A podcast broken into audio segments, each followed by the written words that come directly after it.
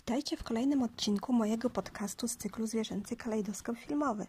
Nazywam się Marta Chrzczanowicz i prowadzę bloga o nazwie Filmowe Zwierzęta, blog o postaciach zwierzęcych w kinie. Bardzo dziękuję patronkom i patronom wspierającym mojego bloga w serwisie patronite.pl, dzięki którym mógł powstać ten podcast. Tygrysie błysku w gąszczach mroku, jakiemuż nieziemskiemu oku przyśniło się, że noc rozświetli, skupiona groza Twej symetrii, Jakaż to otchłań nieb odległa, ogień w źrenicach Twych zażegła, czyje to skrzydła, czyje dłonie wznieciły to, co w Tobie płonie? Skąd prężna krew, co życie wierca, skręcony supeł Twego serca? Czemu w nim straszne tętno bije? Czyje w tym moce, kunszty czyje? Jakim to młotem kłuł zajadle Twój mózg? Na jakim kładł kowadle, z jakich palenisk go wyjmował cęgami wszechpotężny kowal? Gdy rój gwiazd ciskał swe włócznie, na ziemię, łzami wilżąc jucznie, czy się swym dziełem ten nie strwożył, kto jagnię leczy ciebie stworzył? Tygrysie błysku w gąszczach mroku, w jakim to nieśmiertelnym oku śmiał wszcząć się sen, że noc rozświetli skupiona groza twej symetrii. Był to wiersz zatytułowany Tygrys Williama Blake'a w tłumaczeniu Stanisława Barańczaka. Przygotowując pod koniec zeszłego roku plan odcinków na ten rok, wybrałam tygrysa na swoistego patrona następnych 12 miesięcy. Potrzebowałam bowiem silnego zwierzęcia, które doda nam wszystkim mocy i siły po poprzednich dwóch trudnych latach. Jakież było moje zdziwienie i rozbawienie, kiedy zorientowałam się, że rok 2022 jest w istocie rokiem tygrysa w kalendarzu lunarnym.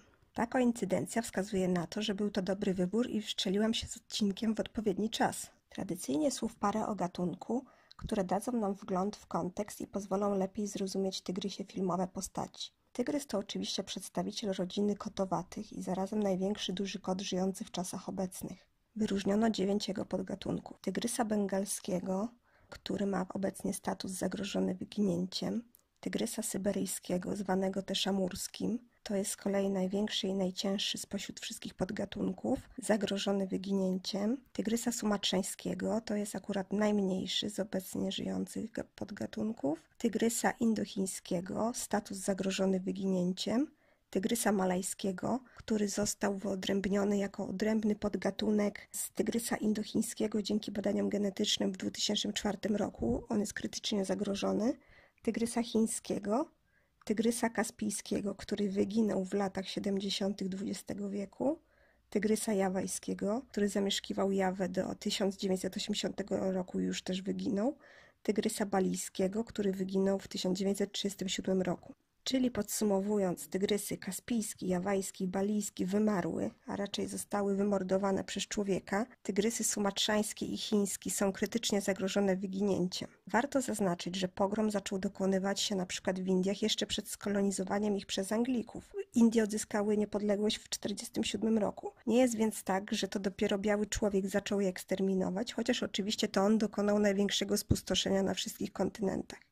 Czwarty podgatunek, tygrys chiński, też już prawdopodobnie nie przetrwał do naszych czasów, czyli możemy powiedzieć, że praktycznie jedna druga tych wszystkich podgatunków już nie istnieje. Najwięcej tygrysów ostało się w Indiach i Nepalu, są również na Sumatrze.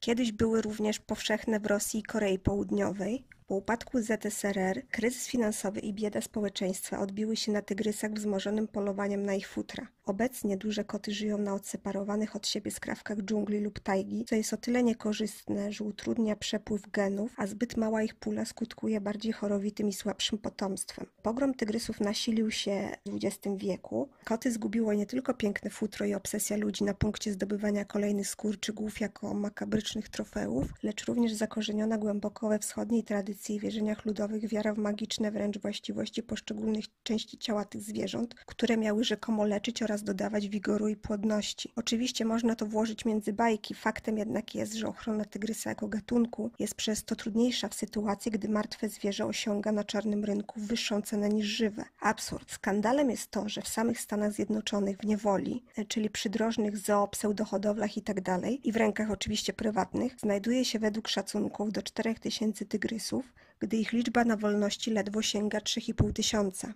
W Teksasie tygrysiątko można nabyć za, uwaga, tylko 500 dolarów. Nic dziwnego, że zwierzęta trafiają często w ręce ludzi nieodpowiedzialnych, niezrównoważonych czy agresywnych. Jeśli będziecie w Tajlandii lub innych krajach Azji, nie korzystajcie z oferty zrobienia sobie zdjęcia z tygrysem. Fotografia z mówiąc kolokwialnie naćpanym zwierzęciem nie jest chyba powodem do dumy na Facebooku czy Instagramie, a ludzie nie rozumieją, że nigdy nie podeszliby tak blisko wielkiego drapieżnika, gdyby nie był on w jakiś sposób spacyfikowany. Jak zwykle warto włączyć myślenie i nie wspierać finansowo tego typu praktyk mających znamiona znęcania się nad zwierzętami. Podobnie jest z pamiątkowymi zdjęciami z tygrysiątkami. Wielu osobom wydaje się to słodkie, prawda jest jednak taka, że żeby do tych zdjęć doszło, tygrysice odebrano młode. Tylko w ten sposób można bowiem nad nimi zapanować i oswoić. A że zbyt wcześnie oddzielone od matki koty mogą później sprawiać kłopoty, to już nikogo nie interesuje. W końcu pogromcy i samozwańczy królowie tygrysów mają baty i pałki. Nie zapominajmy również o haniebnej polowaniowej turystyce, która swoje apogeum osiąga w Afryce w przypadku tzw. Tak polowań zagrodowych na lwy,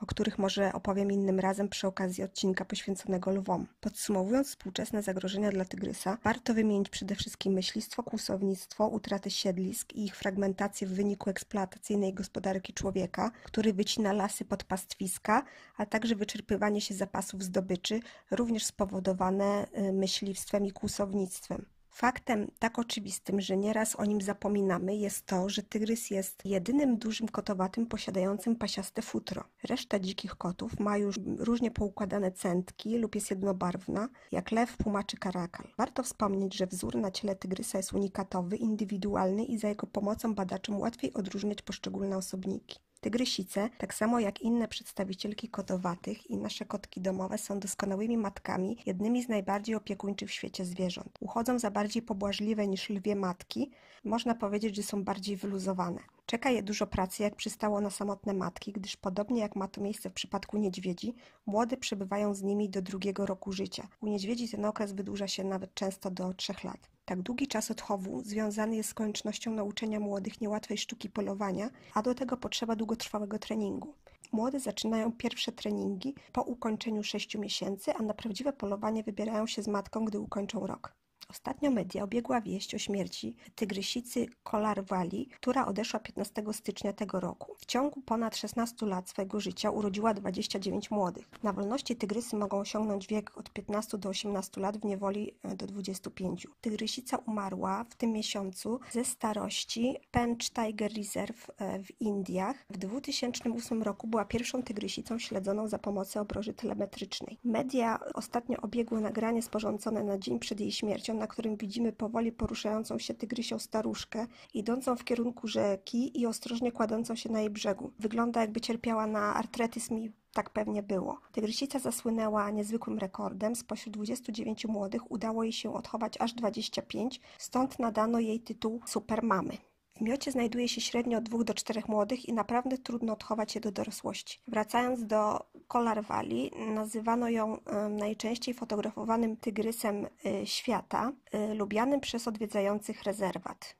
Tygrysica została skremowana i pochowana zgodnie z hinduskim rytuałem. Na zdjęciach z ceremonii można było zobaczyć jej ciało ułożone na noszach przyozdobione kwiatami. Zwana też królową rezerwatu, miała prawdziwie ludzki pogrzeb, a oddany jej hołd był wyrazem wdzięczności za jej wkład w rozwój zagrożonego gatunku. U tygrysów zaznaczony jest dymorfizm płciowy. Samice są zwykle sporo mniejsze od samców. Jeśli chodzi o samce tygrysów, to ich olbrzymie terytoria, optymalne to 2,5 tysiąca km2 pokrywają się z terenami 3-4 samic. Oczywiście tygrys jest ojcem dzieci tych samic i nie jest do końca prawdą to, że nie uczestniczy on w życiu rodzinnym. Zaobserwowano samca, który regularnie patrolował swoje włości, po kolei odwiedzając przy tym swoje żony i młode. Terytoria poszczególnych samców są jednak wyraźnie od siebie oddzielone oraz zaznaczane regularnie za pomocą moczu oraz zostawiania śladów pazurów i zapachu z opuszek łap na drzewach, na które tygrysy mimo swojej dużej wagi potrafią się nieźle wspinać. Podobnie jak ma to miejsce w przypadku lwów, samiec może też zabić nie swoje młode. Chodzi oczywiście o wyeliminowanie konkurencyjnych genów.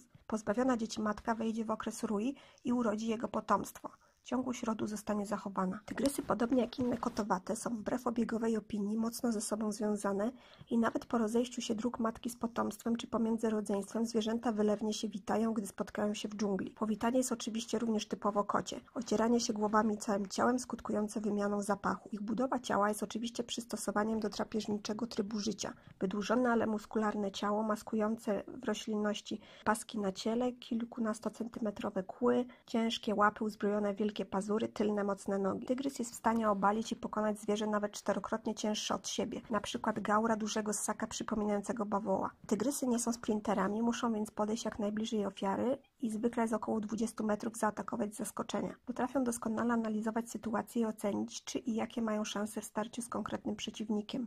Zwykle wybierają osobniki młode, stare lub chore. Ofiarę duszą lub poprzez ugryzienie w kark przerywają rdzeń kręgowy. Mniejsze ofiary wystarczy pokonać jednym machnięciem potężnej łapy. Drapieżnik mimo rozległego terytorium doskonale pamięta, gdzie może spodziewać się potencjalnej ofiary i tam się zaczaja. Wykorzystuje przy tym kształtowanie terenu. Przyznacie, że jest świetnym strategiem. Tygrys jest w stanie wykonać skok trzykrotnie przekraczający długość jego ciała, które może wynosić nawet do 3,5 metra. Krążące od dawna opowieści o tygrysach ludojadach wiążą się z tym, że stare osłabione zwierzęta zaczynają polować na tak zwaną łatwą zdobycz, czyli bydło i człowieka. Zmusza do tego je więc konieczność i głód, a nie niepohamowana żądza zjedzenia ludzkiego mięsa. Wizerunek tygrysa jako krwiożerczej bestii tak się jednak zakorzenił w zbiorowej wyobraźni, że do tej pory powstają horrory zbudowane na tym schemacie. Przykład beznadziejny film Man Eater z 2007 roku. Prawda jest taka, że w przeciwieństwie do człowieka, tygrys poluje tylko wtedy, gdy zmusza go do tego głód, w dodatku nie codziennie, ale raz na tydzień lub raz na trzy dni. Zależne jest to od wielkości upalowanej zdobyczy.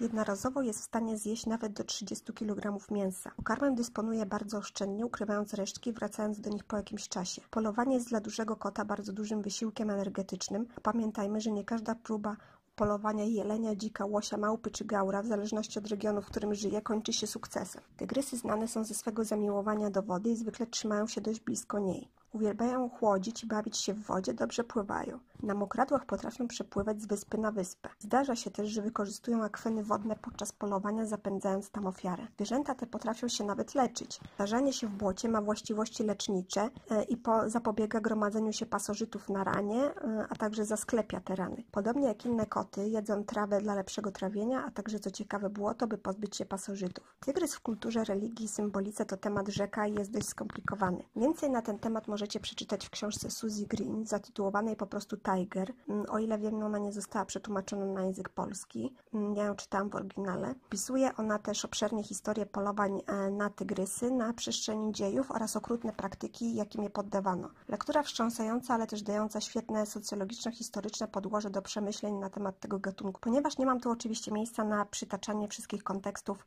e, i znaczeń tygrysa, zwłaszcza w kulturze wschodu, ograniczę się do wybranych przykładów. We wspomnianej książce autorka e, wspomina, że ruchy wykonywane w tai chi i kung fu pochodzą od obserwacji sposobów poruszania się pięciu gatunków zwierząt: tygrysa, żurawia, małpy, niedźwiedzia i jelenia. Z pewnością prowadzi to do skojarzenia postaci znanych nam z animacji Kung Fu Panda, wśród których znajdziemy tygrysice. Tysiące lat temu Chińczycy podzielili sferę niebieską na cztery ćwiartki. Południem rządził ptak, północą czarny żółw, zachodem biały tygrys, a wschodem potężny lazurowy smok. E, biały tygrys przewodniczył jesieni i dominacji In z kulminacją zimy i zawierał w sobie również nasiona Yang. Tak jak natura seksualna człowieka nosi w sobie elementy płci przeciwnej, biały tygrys i lazurowy smok miały się równoważyć nawzajem swoimi kontrastującymi cechami. Tygrys poza symbolem życiowej siły i płodności był również ważnym symbolem podróży między światem rzeczywistym i duchowym, na co wskazywać miał jego związek z wodą.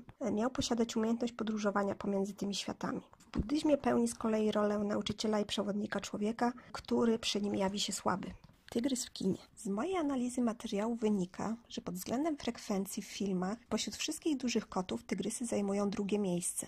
Wyprzedzają je tylko lwy. Teoretycznie tygrysy występują w tak wielu filmach, w praktyce jednak trudno znaleźć naprawdę dobry film z ich udziałem, a przynajmniej jest ich mniej niż się spodziewałam. Często duży udział zwierzęcia w danej produkcji nie idzie w parze z wysoką jakością artystyczną, co oczywiście nie jest winą samych kotów. Dylematem więc okazał się dobór filmów do mojej podstawowej dziesiątki. Generalnie filmowe tygrysy możemy podzielić na dwie duże kategorie. Te ukazane w swoim naturalnym środowisku, czyli w dżungli, w tego typu filmach mają oczywiście za zadanie straszyć białego człowieka i stać się obiektem polowania. Drugą obszerną kategorię stanowią sceny cyrkowe i wykorzystanie dzikich kotów do występów z naciskiem na słowo wykorzystanie. W mniejszej ilości filmów tygrysy pojawiają się też w kontekście scen mających miejsce w zoo, na przykład filmy takie jak Kupiliśmy Zoo czy Black Zoo.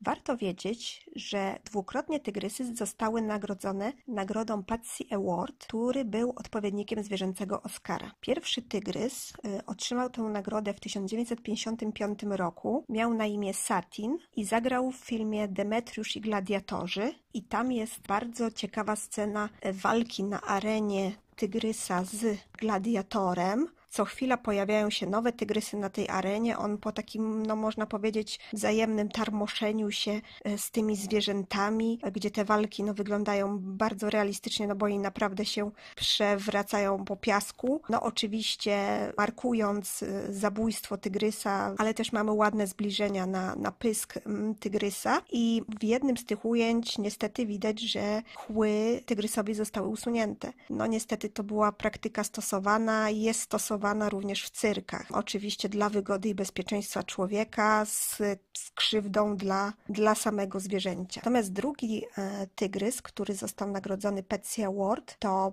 Patrina, która zagrała w A Tiger Walks w 1965 roku. Będę więcej mówić za chwilę o tym filmie. Od 1986 roku nagrody niestety nie są już przyznawane, a jako powód podano brak e, finansowania, sponsorowania tych nagród. Tygrys w polskim kinie. Jak się domyślacie, nie jest łatwo znaleźć tygrysa w polskim kinie, ponieważ no nie jest to ta szerokość geograficzna, gdzie powstaje najwięcej e, filmów z tym zwierzęciem. Ja jednak przeszukałam zasoby polskiego kina i udało mi się znaleźć kilka propozycji dla Was. I tak, pierwszą jest Bolek i Lolek. W trzeciej serii przygód Bolka i Lolka, zrealizowanej w latach 1968-1970, w odcinku drugim zatytułowanym Na tropach bengalskiego tygrysa w reżyserii Wacława Wajzera chłopcy przemierzają na słoniach Indię. Plakat na drzewie ostrzega ich przed tygrysem. Lolek beztrosko rysuje na głowie zwierzęcia tarczę strzelniczą. Zanosi się na polowanie, gdyż członkowie wyprawy są uzbrojeni w strzelby.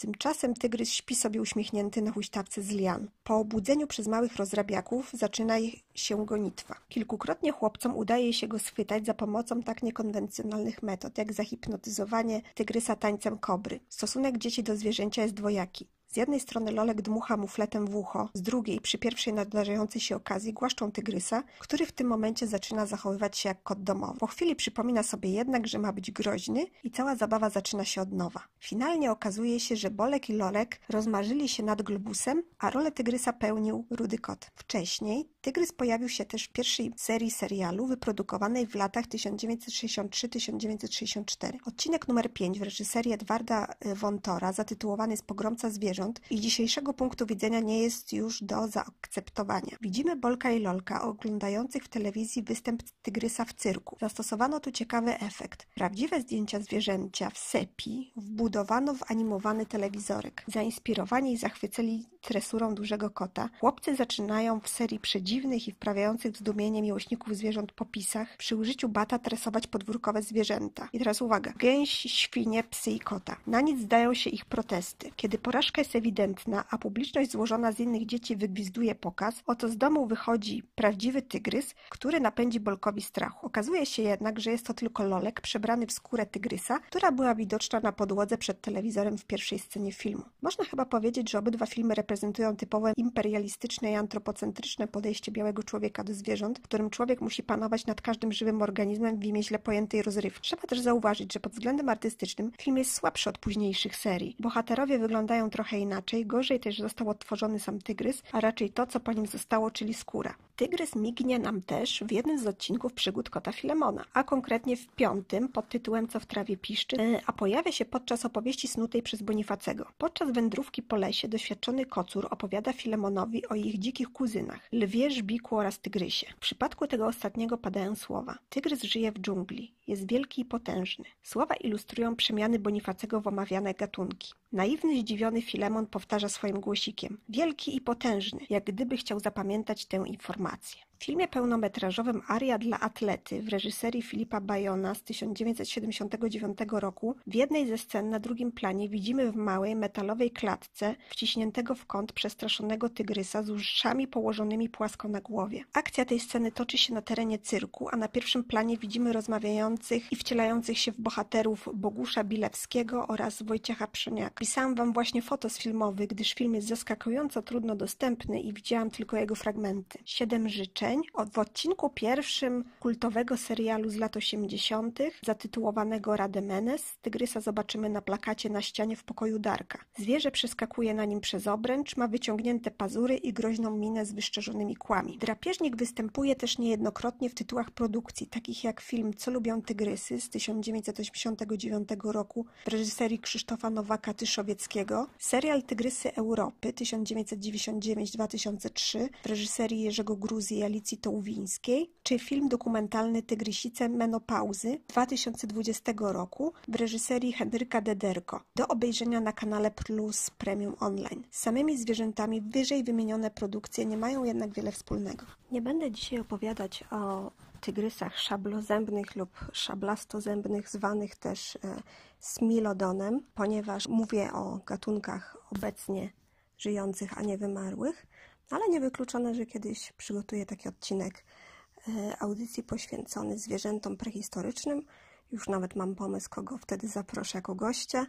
Tutaj pozdrawiam Kacpra. Pora na moje top 10.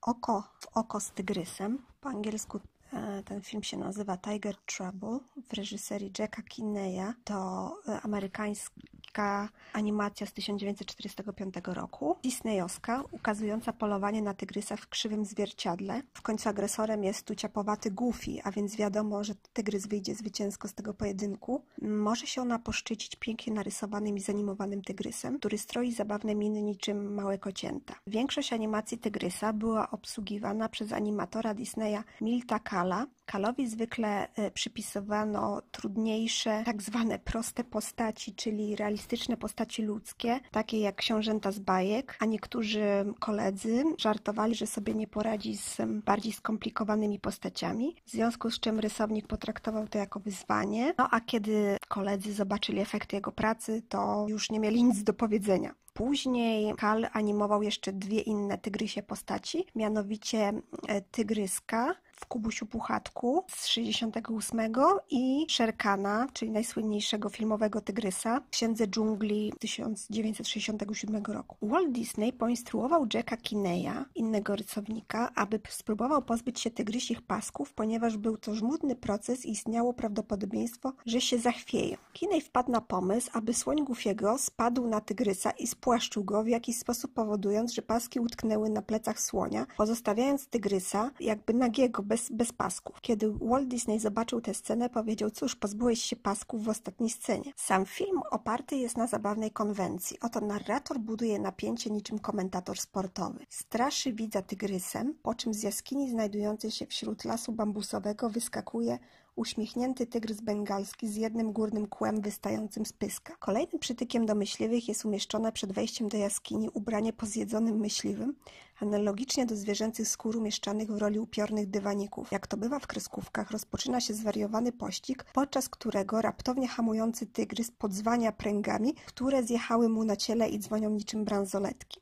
Zabawna animacja i dobry sposób na odreagowanie. Kolejna produkcja, o której opowiem, to Harry Black i Tygrys, po angielsku Harry Black and the Tiger. Jest to film z 1958 roku w reżyserii Hugo Fregonese, klasyfikowany jako dramat przygodowy z elementami kina akcji. Jest to amerykańsko-brytyjska koprodukcja. Film powstał na podstawie powieści Davida Walkera zatytułowanej Harry Black, opublikowanej w 1956 roku. Fabuła w dużym skrócie. Myśliwy tytułowy Harry Black otrzymuje w Indiach zlecenie zabicia tygrysa, który zagraża pobliskiej wiosce. Drugim równolegle toczącym się wątkiem, ale też czerpiącym z retrospekcji jest pojawienie się dawnej miłości mężczyzny, która przebywa w Indiach wraz z mężem i synkiem. Zwracam Waszą uwagę na ten film głównie dlatego, że zawiera sporo ujęć z tygrysiego punktu widzenia. Mówimy o filmie z lat 50. XX wieku, kiedy to taki sposób filmowania nie był często spotykany, jeśli chodzi o filmowanie zwierzęcych bohaterów. Film jednak mocno się zestarzał, a zmontowane sceny ataku tygrysa ludożercy obecnie wyglądają kiepsko. Skądinąd y, dowcipnej recenzji filmu zamieszczonej w Time z 1958 roku czytamy: Gdyby tygrysy miały agentów, ten film mógłby wywołać kłótnie wśród producentów, ponieważ tygrys tak wyraźnie zasługuje na najwyższą garzę, podczas gdy wszystkie dwunożne postaci brodzą niepewnie, zgłębiając nawzajem swoje płytkie psychiki, pręgowany przeżuwa połowę populacji Indii, choć tylko dwie przed obiektywem kamery i rąbie na kawałki aktora Stuarta Grangera. Przemierzając wzgórza południowych Indii, kamerzysta Harry Gillian przyniósł zaskakujący materiał na temat naprawdę fajnego kota.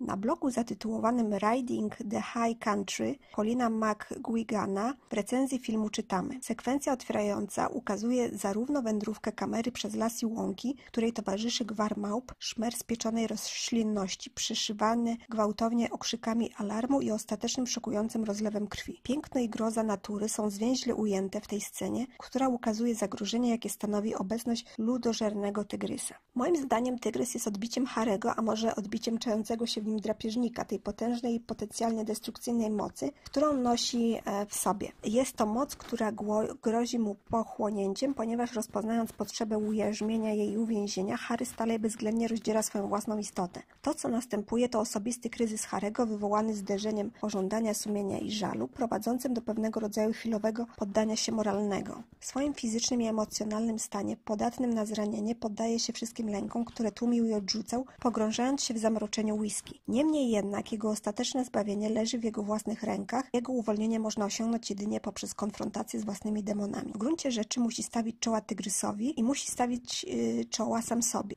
Black Zoo Roberta Gordona to horror z 1963 roku, film amerykański. Prezentował on dużo gatunków kotowatych. Film jest typowym przedstawicielem szokera z nurtu Animal Attack. W tytułowym zoo znalazły się nie tylko lwy, lecz również pumy, lampart, dwa gepardy i oczywiście tygrys. Ten ostatni na początku filmu pod osłoną nocy napada e, na kobietę w parku. E, zwierzęta na plan dostarczył Ralph Helfer, a zoo zostało zbudowane w Riley Studio, dawniej Producer Studio na North Branson w Hollywood w Kalifornii. Całe zoo widoczne mm, na zdjęciach było wnętrzem.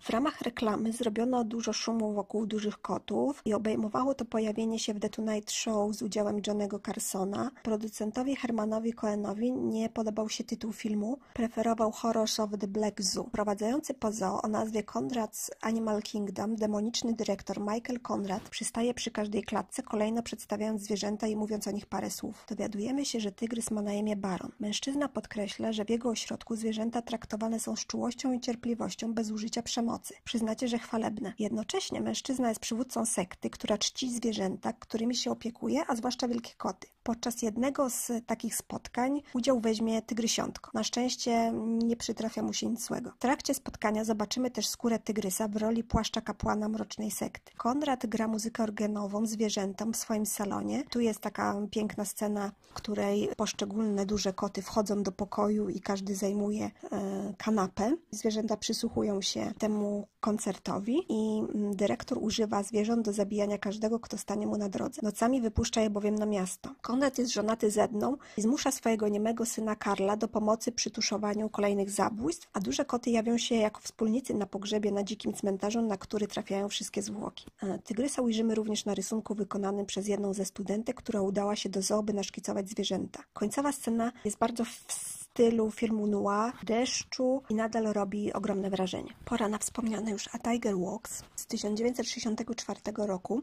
reżyserii e, Normana Tokara. Film amerykański e, został oparty na powieści Ayana Niala o tym samym tytule z 60 roku i został wyprodukowany przez Walt Disney Productions. Był to równocześnie mm, ostatni film indyjskiego aktora Sabu, który zagrał wcześniej w pierwszej ekranizacji Księgi Dżungli e, w roli Mowgliego z 42 roku, o której jeszcze wspomnę. Fabuła A Tiger Walks zyskała moje uznanie dzięki pionierskiej jak na tamte czasy prozwierzęcej wymowie. Oto Raja, jest to chyba najczęstsze imię dla tygrysów, mm, tak zwał się też mm, przecież tygrys w Alladynie. Maltretowany tygrys bengalski ucieka z wędrownego cyrku i ukrywa się w lasach otaczających miasteczko Scotia. W nowo przybyły wpada w panikę, a mieszkańcy chcą zabić Radżę, wyjątkiem Julie Williams, tej roli Pamela Franklin, córki szeryfa. Julie chce mm, schwytać Radżę i umieścić go w ogrodzie zoologicznym Aby zebrać wystarczającą ilość pieniędzy na wykupienie Radży z cyrku, dziewczynka rozpoczyna kampanię pod hasłem Uratuj Tygrysa, aby zebrać dzieci w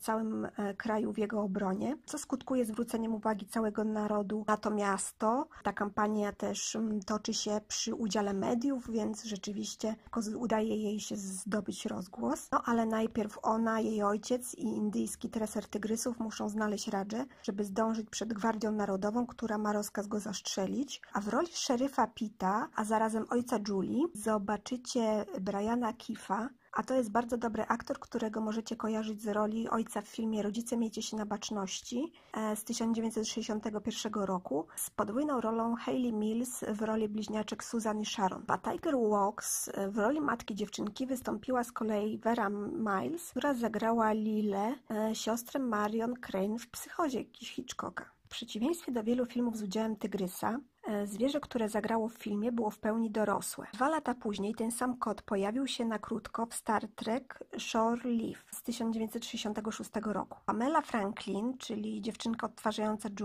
Julię, pracowała na planie z trenerem egzotycznych zwierząt Ralphem Helferem, który dostarczył na plan tygrysy. Jeśli chodzi o imiona tygrysów, jest tu pewna rozbieżność, ponieważ podaje się, że tygrysy miały na imię Serang i Sultan, a jak pamiętacie, imię tygrysa, y, który zdobył nagrodę Patsy, to Patrina, więc tutaj różne źródła podają różne informacje. Oczywiście po tylu latach ciężko cokolwiek ustalić na 100%. Walt Disney spotkał się z y, obydwoma tygrysami, y, Serangiem i Sultanem w swoim biurze w obecności e, Tresera. W roli małych tygrysiątek zobaczycie tak naprawdę pumy. Wpadająca w ucho piosenka kampanii na rzecz uwolnienia tygrysa zatytułowana Save the Tiger, Save the Tiger pada w ucho i dosłownie przykleja się do widza. Nie zdziwcie się więc, jeżeli będziecie ją potem podśpiewywać. Można powiedzieć, że tygrysy trafiają z deszczu pod z więzienia do więzienia. Cyrk zamieniają na duży wybieg w ogrodzie zoologicznym. Jest to jednak kolosalna różnica. Już nie będą bite, zmuszane do pracy, a pod opuszkami łap w końcu poczują prawdziwą trawę. Film stanowi więc antyreklamę cyrku,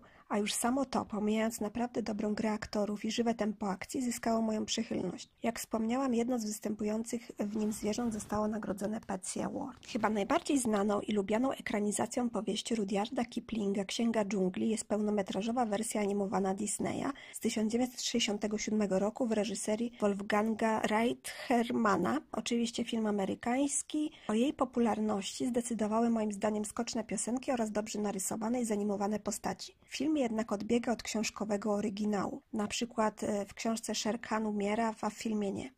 W końcu to film dla dzieci, a mm, nadrobiły to, można powiedzieć w cudzysłowie, nowe ekranizacje, w których tygrys ginie na różne sposoby. E, był to dziewiętnasty film animowany, w tym takim klasycznym kanonie disneyowskim, a zarazem ostatni film nadzorowany osobiście przez Walta Disneya, jak również ostatni animowany film tej wytwórni w latach 60. Jak zwykle twórcy przygotowywali się bardzo rzetelnie do pracy.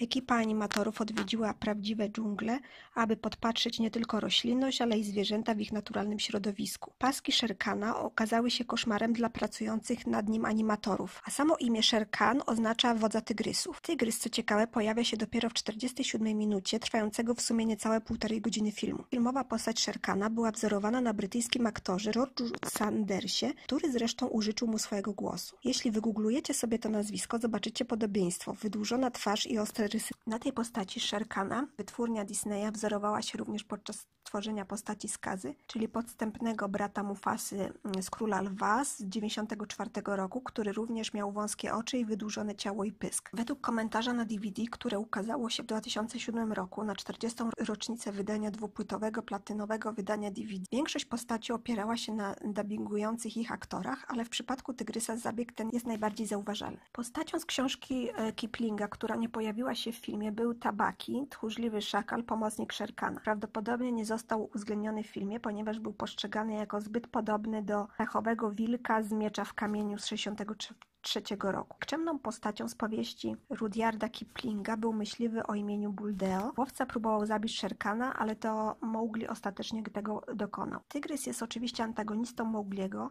jednak nowsze ekranizacje lepiej motywują jego postępowanie. Oto ojciec Mowgliego poparzył go szkarłatnym kwiatem, czyli ogniem, a uwagi na temat tego, że Mowgli jest taki sam jak inni ludzie, w domyśle zły, e, zdają się potwierdzać czyny chłopaka. W filmie z 2016 roku Mowgli zabija tygrysa w okrutny sposób, przyczyniając się do jego upadku prosto w płonące drzewa. Czy więc ocena ludzi e, w tym przypadku e, była mylna? Czy Mowgli jest rzeczywiście tak pozytywnym bohaterem, za jakiego się go uważa? Postać Sherkana można odczytać w innym kluczu. Wtedy jawi się jako postać tragiczna, próbująca bezskutecznie obronić dżunglę przed inwazją człowieka. Jako inteligentne, przenikliwe zwierzę wie bowiem, do czego jego obecność doprowadzi. Roar z 1981 roku w reżyserii Noela Marshalla. Możemy tytuł przetłumaczyć jako Ryk. To amerykański film przygodowy, napisany i wyreżyserowany przez ówczesnego męża Tippi Hedren, znanej z ptaków Hitchcocka, oraz z udziałem jego pasierbicy Melanie Griffith, również później znanej aktorki, a także synów Marszala z poprzedniego związku Johna i Jerego.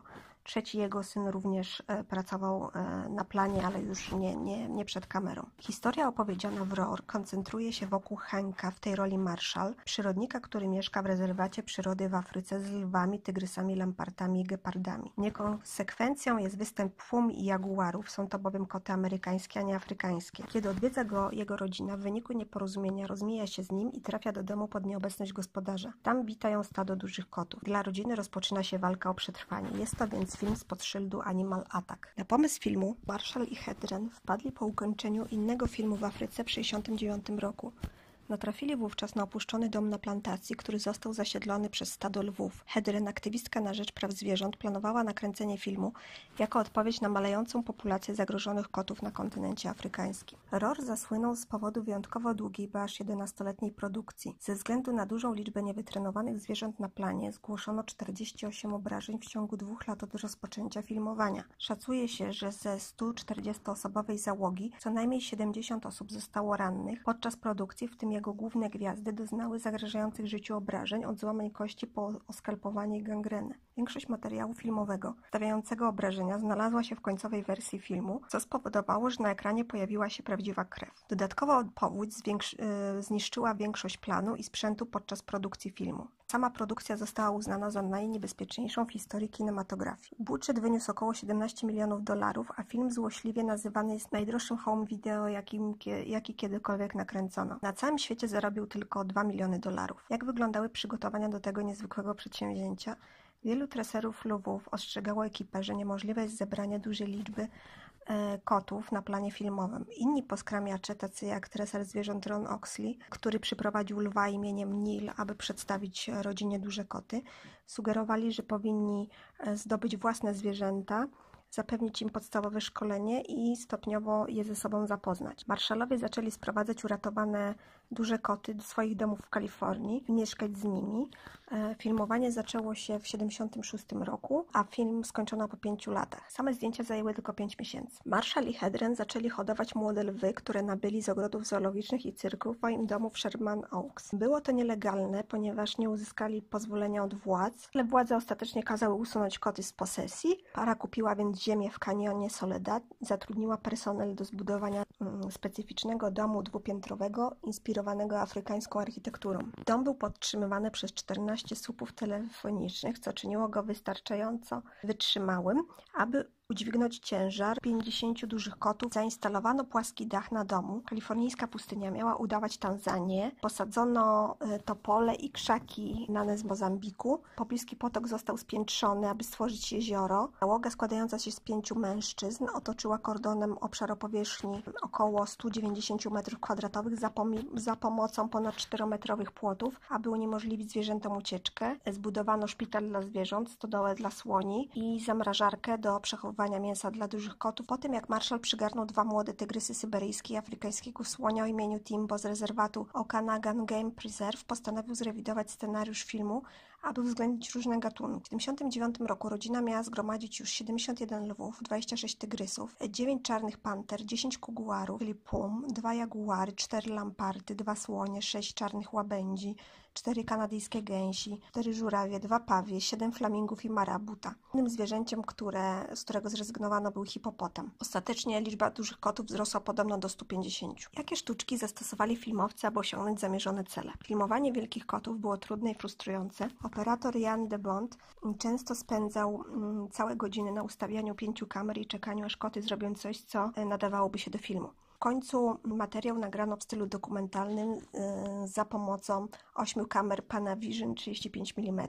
W jednej ze scen Marshall i Mativo, który jest jego tamtejszym e, współpracownikiem, jeżdżą Chevroletem, w którym znajdują się dwa tygrysy, a nakręcenie tej sceny zajęło aż 7 tygodni, ponieważ trzeba było wyszkolić e, zwierzęta do jazdy samochodem. Eksperci i doświadczeni treserzy, tacy jak Frank Tom, Rick Glassy i Steve Miller, otrzymali rolę jako członkowie komitetu, którzy przybywają do domu naukowca i zostają zaatakowani przez tygrysy. Sceny, w których zwierzęta gonią bohaterów, wymagały od aktorów udawania przestraszonych, krzyczenia, co miało sprowokować reakcję zwierząt. Scenariusz często zmieniano i był on e, dopasowywany do spontanicznych reakcji zwierząt, takich jak zabawa w wódce czy jazda na dyskorolce. Jest tam takie ujęcie, kiedy mały, mały lew zaczyna sam z siebie jechać na dyskorolce, bawić się tą deskorolką. W końcu mm, łatwiej jest skłonić zwierzę do wykonania czynności, do której ma naturalne predyspozycje, więc pod tym kątem trzeba pochwalić twórców, że wykorzystywali naturalne, a nie mm, jakieś dziwaczne, wymyślone przez człowieka sytuacje, w których postawią zwierzęta. W scenach, w których niektóre e, z wielkich kotów są zastrzelone przez myśliwych, efekt ten osiągnięto filmując zwierzęta,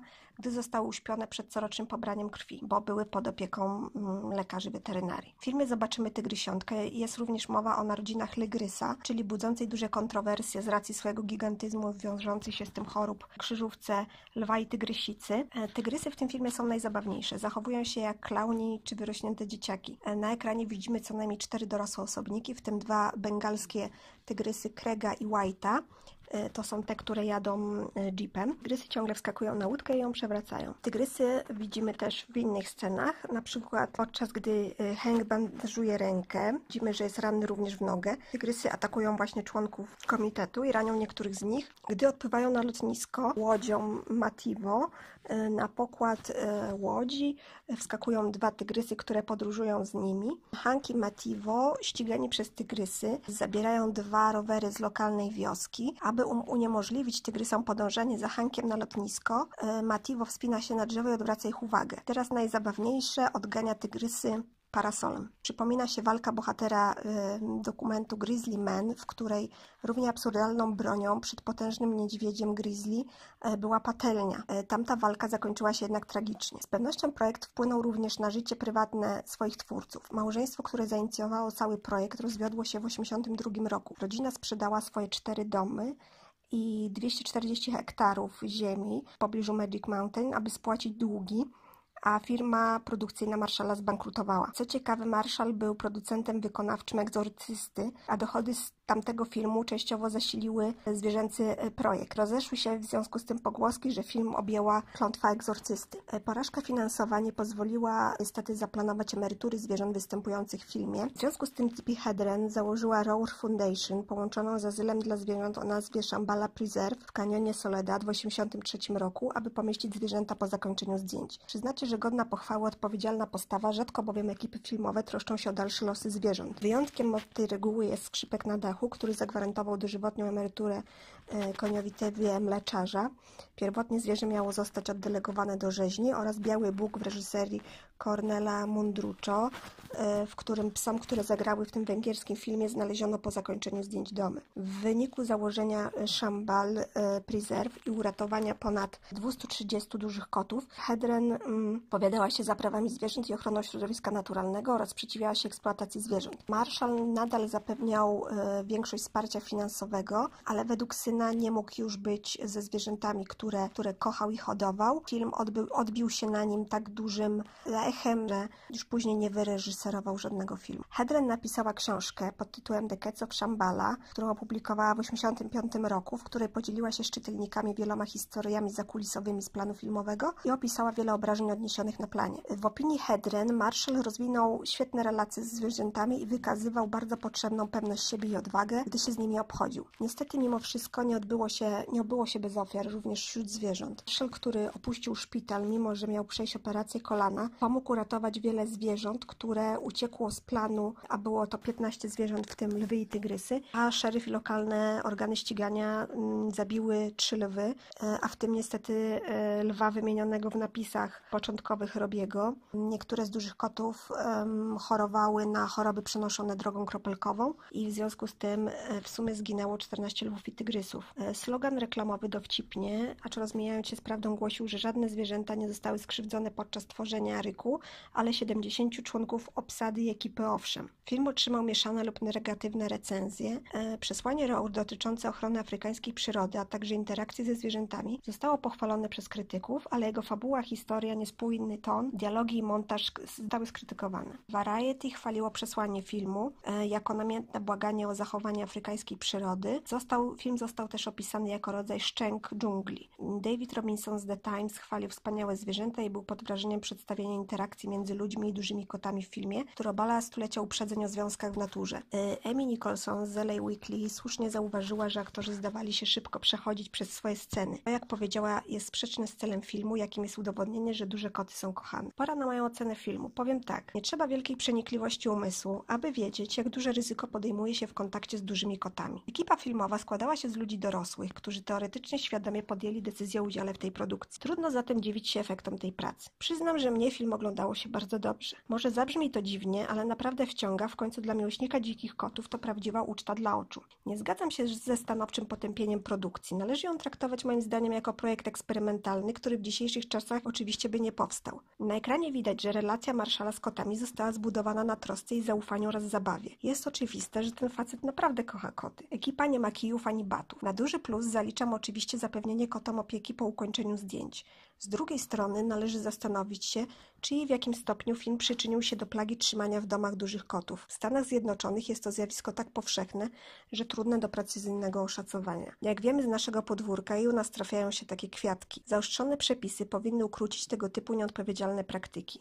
Kolejna kwestia. Natknęłam się na jedną z wypowiedzi amerykańskiego widza, który poniekąd słusznie zastanawiał się, w jaki sposób Hedren zdołała przekonać samą siebie, że sprzeciwia się wykorzystywaniu zwierząt, skoro sama użyła ich w filmie. Mimo wszystko uważam, że Roar warto obejrzeć. Z pewnością jest ciekawszy od wielu innych fabuł Animal Attack z udziałem tygrysów. Panuje tu totalny chaos, ale w tym szaleństwie jest metoda. Film możecie obejrzeć na YouTube. Tam też znajdziecie materiał z making of i wspomnienia ekipy po latach. Gladiator z 2000 roku w reżyserii Ridleya Scotta, amerykańsko-brytyjska koprodukcja, równocześnie kolejna słynna produkcja w moim zestawieniu, tym razem ze świetnymi rolami Joaquina Phoenixa i Russella Crowe'a. I w 104 minucie filmu zobaczymy scenę walki na arenie, podczas której z ukrytej zapadni z podziemi wyskakują na arenę kolejno cztery tygrysy. Każdy z nich jest jednak na dość długim łańcuchu kontrolowanym przez kilku strażników. Najciekawszy jest tu zabieg zaskoczenia widza nagłym pojawieniem się tygrysów, ujęcie z punktu e, widzenia zwierzęcia, gdy patrzy w górę w niebo ponad otwartą klapą tajnego schowka, a także moment, w którym w montażowych cięciach bardzo blisko ekranu migają części ciała walczącego tygrysa włącznie z kłem. Tyłowy gladiator zabija jednego z nich, a po walce widzimy dwa inne osobniki leżące spokojnie na piasku, jak gdyby nigdy nic. Pięć tygrysów zostało użytych w scenie, w której Maximus walczy na arenie z tygrysem Galią. Oprócz tygrysiego przydomka, em, walczący posiada hełm z wykutą na nim głową rozwścieczonego tygrysa. Przez cały czas kręcenia tej sceny obecny był lekarz weterynarii uzbrojony w strzałki ze środkiem usypiającym. Ze względów bezpieczeństwa Russell Crowe był trzymany co najmniej 15 stóp od tygrysów. Tygrysy wchodzą na arenę przez zapadnie w drewnianej podłodze. W co najmniej jednym ujęciu gladiatorzy wznoszą się na podłogę czymś w rodzaju windy. Zarówno windy obsługiwane przez wciągarkę i koło pasowe, jak i zapadnie były faktycznie używane w Koloseum w Rzymie. Za większość efektów CGI w tym filmie odpowiadał brytyjski dom postprodukcyjny DeMille. Do ich obowiązków należało wkomponowanie prawdziwych tygrysów sfilmowanych na e, niebieskim ekranie w sekwencję walki, dodawanie smug dymu i wydłużanie toru lotu płonących strzał otwierających e, bitwę. Wykorzystali także 2000 żywych aktorów i aktorek, aby stworzyć tłum CGI złożony z około 35 tysięcy osób. Trenowanie tygrysów może być trudne, ale co ciekawe, produkcja odkryła, że po kilku dniach kręcenia z nimi tygrysy przyzwyczaiły się do przebywania w środku ekipy filmowej i nie przejmowały się nadmiernie całą aktywnością, która się wokół nich dzieje. E, w rzeczywistości jednym z większych wyzwań było nakłonienie w ogóle ich do pracy, gdy nadszedł czas na ich występy. Oryginalny scenariusz Davida Franconiego zakładał walkę w koloseum z nosorożcem zamiast tygrysów, ale gatunek zwierząt zmieniono, ponieważ nie można było trenować um, prawdziwych nosorożców, um, a zamienniki stworzone w CGI nie wyglądały dość przekonująco. Wiele zwierząt do produkcji zostało wypożyczonych z zoo w Rabacie w Maroku jako sposób na obronę obejście surowych krajowych przepisów dotyczących importu zwierząt. Dwaj bracia z 2004 roku to kolejny e, zwierzęcy film twórcy słynnego Niedźwiadka z 88, Jeana Jacques'a Ano, o którym Richard e, Schickel z Time Magazine pisał. Na poziomie technicznym Niedźwiadek jest dla innych filmów o przyrodzie tym, czym Gwiezdne Wojny były dla filmów science fiction, redefinicją stanu techniki. Reżyser już podczas kręcenia tamtego filmu wahał się pomiędzy nakręceniem filmu o niedźwiedziach, a historią o tygrysach. Podczas pobytu w Afryce zaczął pisać opowieść o dwóch tygrysich braciach, a do pomysłu nakręcenia filmu o dużych kotach powrócił w 1998 roku. Film powstał więc na podstawie jego oryginalnej opowieści, której był też współscenarzystą. Również i nad tym filmem krytycy e, Frederick i Mary Ann Brusat rozpływali się w zachwytach, chociaż obiektywnie rzecz biorąc nie dorównał już maestrii Niedźwiadka. Stworzył on kolejne arcy... i tutaj cytat yy, tych państwa. Yy, stworzył on kolejne arcydzieło, które z pewnością podniesie świadomość ludzi na temat dzikich zwierząt, ich piękna, inteligencji i tajemniczości. Dwóch braci, podobnie jak jego poprzednik, nie jest dokumentem przyrodniczym, ale opowieścią, w której aktorzy są tresowanymi zwierzętami, które mogą zachowywać się tak jak na wolności. Scenariusz napisany wspólnie przez Ano i Alana Godarda odzwierciedla, odzwierciedla dokładne badania nad tym, jak tygrysy bawią się, wychowują młode, rozpoznają się nawzajem i wokalizują. Te ekspresyjne zwierzęta tworzą przekonującą i podnoszącą na duchu historię pod kierunkiem głównego trenera Thierry Leportiera.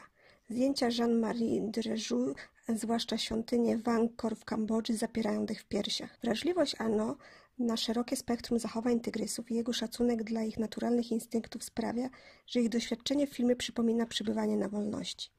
Odkrywamy, że nasze zmysły są otwarte na wszystkie cudy i okropności życia w buszu.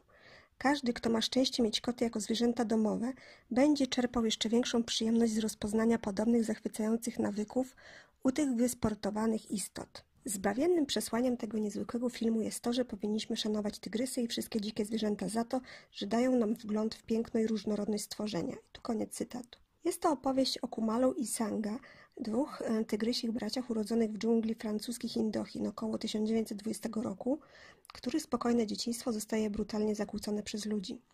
Ten pierwszy trafia do myśliwego, a następnie zostaje pod jego nieobecność przekazany do cyrku, gdzie jest oczywiście okrutnie traktowany, drugi zaś do bogacza, który zamierza wystawić go w walce tygrysów, okrutnej rozrywce swoje korzenie wywodzącej ze starożytności. Kumal jest silniejszy i bardziej agresywny, Sanga zaś nieśmiały i ostrożniejszy, co daje się zauważyć już w dzieciństwie. Ich odmienną naturę dobrze ilustruje spotkanie z cywetą, która broni swoich młodych. Sanga ucieka na drzewo, a Kumal chce z nią walczyć. A jednak przeznaczeniem samców jest ponowne spotkanie po roku, kiedy stają naprzeciw siebie na arenie. Zaczynają walczyć, ale nagle jeden z nich wraca wspomnieniami do dzieciństwa i rozpoznaje brata, czym oczywiście psuje widowisko żadnym rozlewu krwi ludziom. Aby uzyskać ten efekt na planie, prawdziwi tygrysi bracia zostali rozdzieleni na okres dziesięciu dni. W scenie tej zarejestrowano więc ich autentyczne spotkanie i radość z ponownego połączenia, wyrażającą się ocieraniem i zabawą. W filmie pojawia się również duża ilość innych zwierząt. Tukan, wąż, małpy, mangusta, słonie, krokodyl, jena, czyli według obecnej terminologii krokut, psy, rybka w akwarium, motyl, nietoperze, sęp, niedźwiedź, dudek, kury i prosięta. Dwaj bracia zostali nakręceni w dżunglach Tajlandii i Kambodży oraz w wielu kambodżańskich świątyniach w Siem Reap, w tym w słynnej Angkor Wat, Banten Srey i Beng Melea. Reżyser osobiście wybrał wszystkie lokacje. Proces filmowania zajął realizatorom cztery miesiące. Wcześniej trzeba było zawiadomić organizatorów lokalnych wycieczek o zamknięciu terenu dla zwiedzających, zbudować bezpieczne schronienia dla zwierząt, przetransportować je na plan i dopilnować ich aklimatyzacji w nowym miejscu. Przygotowania do przewiezienia tygrysów do Kambodży trzeba było rozpocząć kilka miesięcy wcześniej. Oprócz znalezienia młodych tygrysów i ciężarnych tygrysic, trzeba było znaleźć najlepszą metodę transportu tygrysów. Ponadto należało przeprowadzić wiele badań, aby sprawdzić, jak tygrysy zareagują na klimat w Kambodży Jakie szczepienia oraz inne środki ochrony będą potrzebne, aby zachować ich zdrowie? Pomimo wrażenia, że tygrysy lubią upały, preferują temperatury od 15 do 25 stopni. Aby zapewnić im najwygodniejsze warunki podróży, Le Portier zorganizował samolot transportowy ze specjalną kabiną ciśnieniową z kontrolowaną temperaturą i sam monitorował załadunek zwierząt. Przed rozpoczęciem pracy nad scenariuszem z wieloletnim współpracownikiem Alanem Goddardem filmowiec spędził kilka miesięcy na badaniach, a w szczególności na obserwowaniu dzikich tygrysów. Jérôme Seydoux, szef Pathé, czołowej francuskiej wytwórni filmowej, przedstawił Anno przyjacielowi Walmika Tapara jednemu z największych światowych autorytetów w dziedzinie tygrysów. Tapar zabrał nas do rezerwatu dzikiej przyrody Rantabore w Rajasthanie, gdzie spotkaliśmy kilku czołowych specjalistów od tygrysów azjatyckich. Przez dwa tygodnie rano i wieczorem mogliśmy wspólnie obserwować około 30 tygrysów, małych i dużych, współistniejących w środowisku naturalnym. Kamery zostały ustawione na zewnątrz krat i były sterowane elektronicznie, co pozwoliło na wykonanie dużej liczby ujęć w bardzo bliskiej odległości od tygrysów, czasem zaledwie kilka cali od ich paszczy. Ze względów bezpieczeństwa do każdej sceny przygotowano oddzielne ujęcia ludzi i tygrysów w tym samym planie. Podczas postprodukcji zostały one odpowiednio połączone. Zastosowano również technologię kontroli ruchu.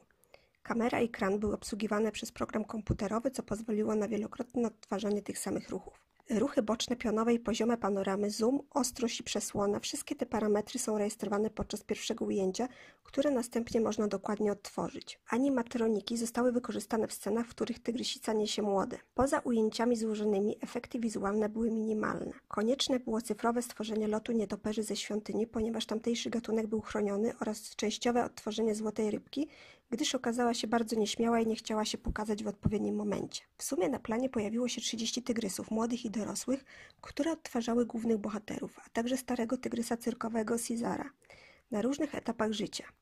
Zwierzęta pochodziły z ogrodów zoologicznych oraz z Tajlandii.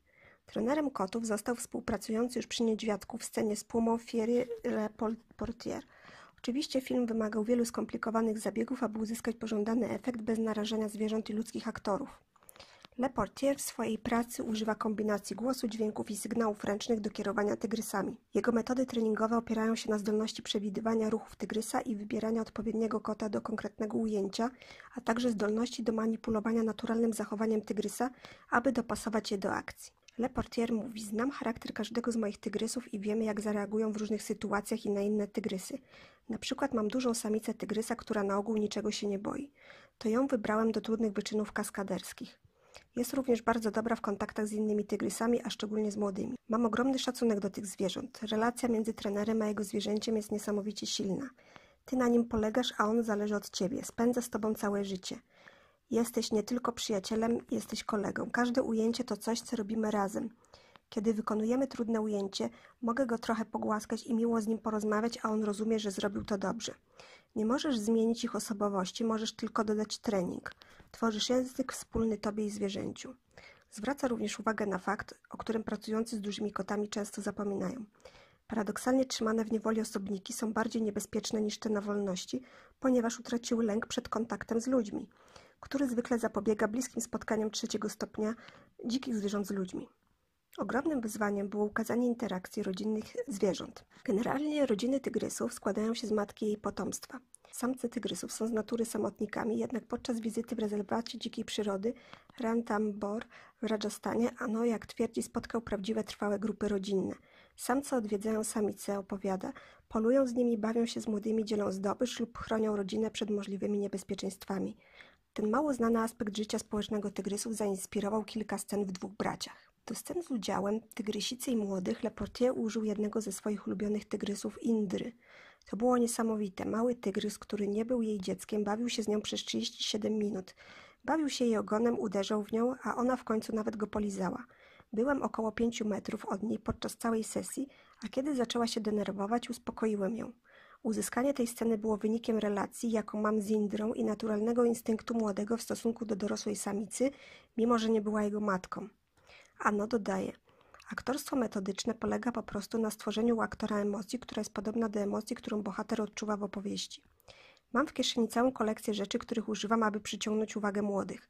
Na przykład, jeśli wąchają proszek czekoladowy, natychmiast kichają. Ziewanie było trudniejsze. Mamy kilka scen, w których maluch męczy się i zasypia. Musieliśmy to zaplanować. Wiedzieliśmy, że pół godziny po wypiciu butelki mleka naprawdę chcą spać, więc dajesz im dwie butelki mleka, co sprawia, że są szczęśliwe i zasypiają. Filmujesz młode tygrysy w ten sam sposób, w jaki filmujesz ludzkie dziecko. Nie możesz kazać im ćwiczyć. Jedyną metodą jest postawienie ich w korzystnej sytuacji, sprzyjającej scenerii z odpowiednim rekwizytem lub partnerem i czekanie. Na szczęście młode tygrysy są niesamowicie zabawne, komiczne i pomysłowe.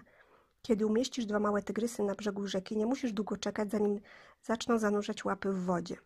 Uważają to za zabawne i zaczynają pluskać się jak szalone. Połóż przed nimi kokosa, zrobią to, co każdy kot zrobiłby z kłębkiem wełny lub gumową piłką. Szczególne uzdolnienie i osobowość każdego tygrysa są tym, co robi różnicę. W każdym miocie jest dominujące i uległe młode. Producent filmu Jake Ebert zdradził, że ludzie nigdy nie byli filmowani razem z tygrysami. Twierdzi, że przynajmniej jeden tygrys okazał się w pracy perfekcjonistą. Był niezadowolony ze swojej techniki i chciał wrócić i zrobić to jeszcze raz. Namawialiśmy go, żeby wracał do swojego trenera i ustawił się, a on wracał do celu i chciał to powtórzyć. To było całkowicie fascynujące. Podczas gdy zdecydowana większość ujęć była akcją na żywo, filmowcy wykorzystali animatroniczne tygrysy do wszelkich ujęć, w których bezpieczeństwo i komfort prawdziwych tygrysów byłyby zagrożone. Kilkakrotnie wykorzystaliśmy ujęcia animatroniczne do zdjęć, w których kręcenie akcji na żywo z prawdziwym tygrysem byłoby niemożliwe, mówi Ano. Na przykład użyliśmy skomplikowanej kombinacji ujęć animatronicznych i efektów wizualnych w scenie, w której tygrysy są więzione przez ogień w dżungli. Ogień nigdy nie był blisko tygrysów. Płomienie były umieszczane w pobliżu kamer przez jedną część ujęć, a te zostały wzmocnione efektami wizualnymi w postprodukcji. Tygrysy skakały z jednej skały na drugą, a nigdy przez płomienie. Frederick Moreau, kierownik do spraw efektów wizualnych, w wywiadzie wspomina: Kilka miesięcy przed rozpoczęciem głównych zdjęć nakręciliśmy tygrysy na niebieskim ekranie, aby mieć bibliotekę przedstawień tygrysów, które, która była bardzo pomocna. Animatroniki były używane do zbliżeń bezpośrednich interakcji z aktorami lub małego tygrysa noszonego w pysku matki. Czasami używaliśmy animatronicznych części ciała złożonych z prawdziwych tygrysów, na przykład gdy tygrysica karmi swoje dzieci. Ano jest zafascynowany naturą tych przepięknych zwierząt. Są bardzo ekspresyjne inteligentne jak psy, a także rozumieją znacznie więcej. Każdy tygrys ma swoją własną osobowość. Nigdy nie przypuszczałem, że mogą być tak różne. Każdy został wybrany ze względu na swój charakter. Bardzo matczyna tygrysica w roli matki, dwa bardziej męskie zwierzęta dla dwóch braci w wieku dorosłym i słaby samiec dla zmęczonego starego tygrysa. Ten film to połączenie trzech moich największych pasji: świata zwierząt, miłości do klasztorów i świątyń oraz mojej fascynacji europejskim okresem kolonialnym.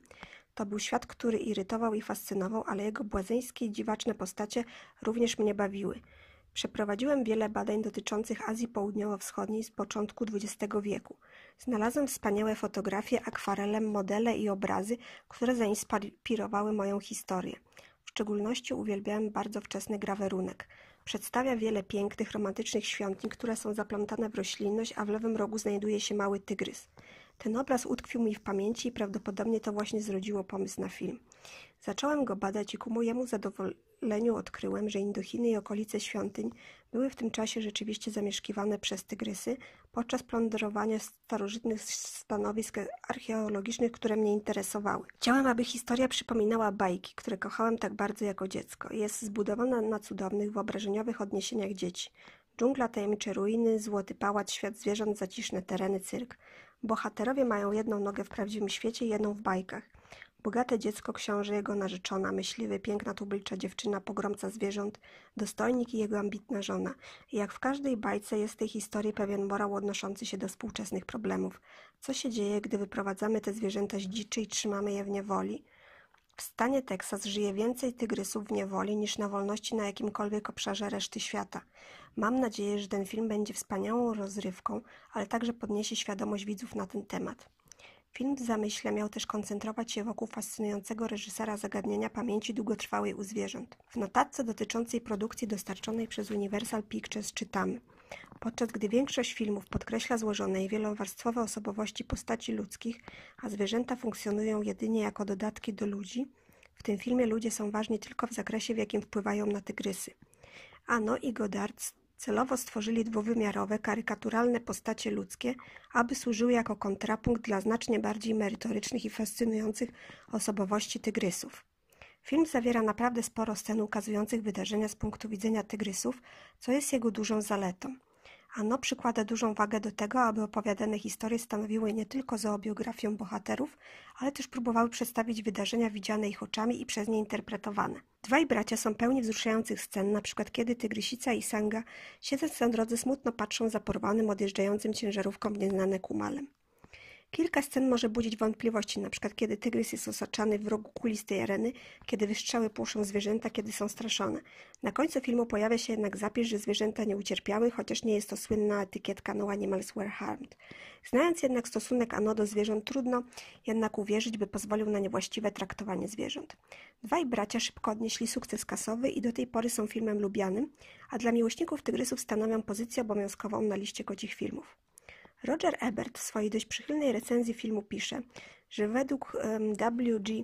Sebalda zwierzęta i ludzie patrzą na siebie przez naruszenie niezrozumienia. Tak też patrzą na siebie w filmie Kumal i Myśliwy oraz Łowca, by nie powiedzieć złodziej zabytków Aidan oraz Sanga i Raul, syn administratora bogacza, który go przetrzymywał. Podobnie jak miało to miejsce na końcu Niedźwiadka, tutaj też pojawia się przesłanie o treści ekologicznej i bardzo dobrze informujące o tym, że 100 lat wcześniej Azję zamieszkiwało ponad 100 tysięcy tygrysów, a obecnie mniej niż 5 tysięcy.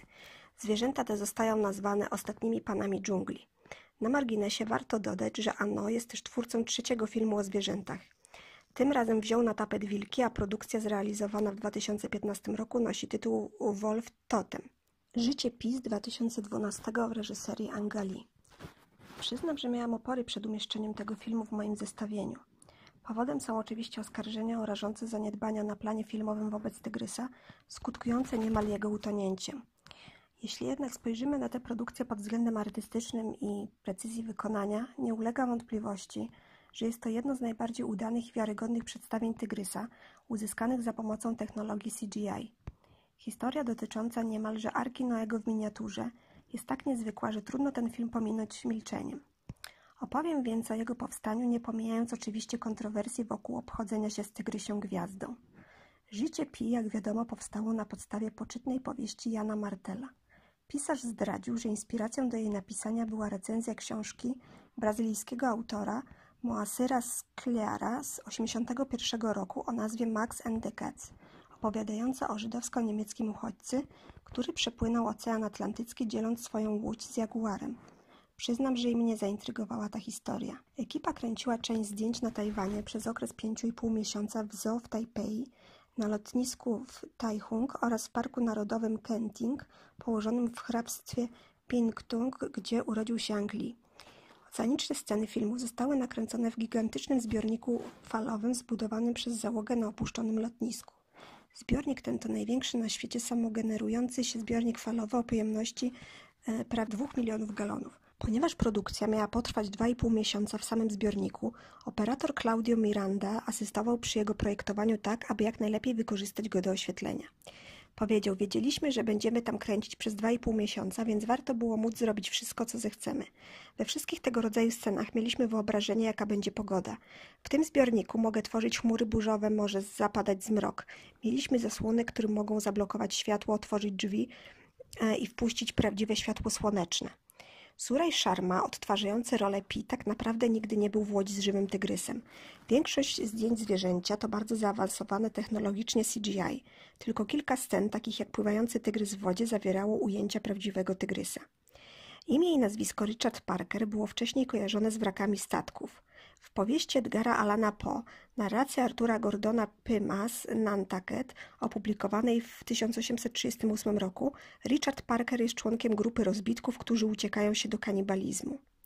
Natomiast w 1884 roku w oceanie zatonął statek o nazwie Minionet. Przeżyły cztery osoby, w tym chłopiec kabinowy o imieniu Richard Parker, który został, uwaga, następnie zabity i zjedzony przez pozostałych trzech ocalałych. W scenie filmu, w której Pi pije wodę święconą, w kościele, ksiądz podaje mu szklankę wody, mówiąc: Musisz być spragniony, e, a to może się odnosić do pierwotnego imienia tygrysa, które brzmiało właśnie spragniony. Wiodącą firmą zajmującą się efektami wizualnymi stworzonymi dla życia Pi było Rhythm and Hue Studios. Mm, efekty 3D do filmu zostały stworzone przez zespół artystów w Los Angeles, Bombaju, Hyderabadzie, Kuala Lumpur, Vancouver i Kaohsiung. Artyści porozumiewali się za pomocą chmury i tam też wymieniali mm, e, materiały. Angowi Lee podobała się ich wcześniejsza praca nad Lwem z nowej ekranizacji opowieści z Narni. Uznał więc, że ta firma sprosta zadaniu wygenerowania e, realistycznego tygrysa. Pracownicy studia spędzili rok na badaniach i rozwoju, opierając się na swojej ogromnej wiedzy na temat animacji komputerowej, aby stworzyć postać tygrysa. Magazyn Sight and Sound Brytyjskiego Instytutu Filmowego zasugerował, że życie Pi można postrzegać jako film Rhythm and Hughes y, budowany przez te wszystkie lata. Roger Ebert z Chicago Sun-Times przyznał życiu Pi cztery gwiazdki na cztery, y, nazywając je cudownym osiągnięciem opowiadania i punktem zwrotnym wizualnego mistrzostwa oraz jednym z najlepszych filmów roku. Szczególnie pochwalił wykorzystanie w filmie 3D, które opisał jako pogłębienie sensu miejsc i wydarzeń w filmie. Film został odnotowany jako zawierający subtelne artystyczne ostrzeżenia o niebezpieczeństwach związanych ze zwiększoną antropogeniczną emisją dwutlenku węgla i zakwaszeniem oceanów. Lekceważące zdaniem Pi odejście Richarda Parkera interpretowano zaś jako reprezentujące niezbyt przyjemną twarz Gai. Pomimo zdobycia Oscara za najlepsze efekty wizualne na rozdaniu Oscaru w 2013, studio Rhythm and Hughes zostało zmuszone do złożenia wniosku o ogłoszenie upadłości 11 lutego tego roku, powołując się na nieuczciwą konkurencję ze strony subsydiowanych i zwolnionych z podatku studiów zagranicznych. Anglii został z kolei skrytykowany przez lidera protestów, które miały miejsce za brak podziękowania branży efektów specjalnych. E, Ang podziękował załodze, aktorom, swojemu agentowi, prawnikowi, całej populacji Tajwanu, aż do zespołu, który zbudował falę, basen na scenie, na której kręcono Pi, ale nie wymieniono setek artystów, którzy nie tylko stworzyli głównego bohatera Tygrysa, ale także wymienili ten basen, dzięki czemu przez 80% jego filmu wyglądał jak prawdziwy ocean. Był też krytykowany za wcześniejsze narzekanie na koszty efektów wizualnych. No i teraz znowu treść maila, cytat. Myślę, że to oczywiste, ale nie wspominaj o tym nikomu, zwłaszcza w biurze. E-mail ten sugeruje, że incydent, w którym tygrys najwyraźniej prawie utonął podczas kręcenia sceny, został zbagatelizowany, e, co gorsza, w oficjalnym raporcie dla AHA. Dodatkowo Johnson była zaangażowana w związek e, z jednym z producentów filmu, co stanowiło oczywisty konflikt interesów. Po opublikowaniu śledztwa Hollywood Reporter Gina Johnson zrezygnowała ze stanowiska Waha. Rzecznik dystrybutora filmu zaprzeczył, że tygrys prawie utonął. E, dochodzenie przeprowadzone przez The Hollywood Reporter w 2013 roku ujawniło wycieki e-maili sugerujących, że zwierzęta zaangażowane w kręcenie życia Pi były źle traktowane podczas kręcenia filmu, pomimo certyfikatu American Human Association No Animals Were Harmed, e, w tym przypadku o numerze 03384. W monitorze AHA z 7 kwietnia 2011 Gina Johnson monitorująca wówczas przebieg zdjęć ze strony American Human Association, napisała 7 kwietnia 2011 roku e, w zeszłym tygodniu prawie zabiliśmy Kinga w zbiorniku na wodę w odniesieniu do tygrysa używanego e, podczas filmu. To ujęcie z nim po prostu poszło bardzo źle i zgubił się próbując przepłynąć w bok. Cholera, prawie utonął. To jest e, jej wypowiedź pochodząca z maila. Trener e, Tygrysa Kinga w końcu złapał go liną i zaciągnął na bok zbiornika, gdzie tygrys e, oddalił się w bezpieczne miejsce. Tego też względu wahałam się, czy ten film włączyć do mojej dziesiątki, no ale patrząc obiektywnie nie ulega wątpliwości, że jest to jeden z najlepszych filmów e, z tygrysim bohaterem w historii, dlatego ten film się tutaj znalazł. I z tak rozbudowaną rolą tygrysa zarazem. Do sprawy powrócono w 2015 roku, kiedy to Pita y, opublikowała wideo, które pokazywało, jak trener zwierząt i właściciel prywatnego kanadyjskiego zoo, którego tygrys bengalski zagrał w życiu Pi, Michael Hackenberger, przeklina i biczuje młodego tygrysa aż 19 razy.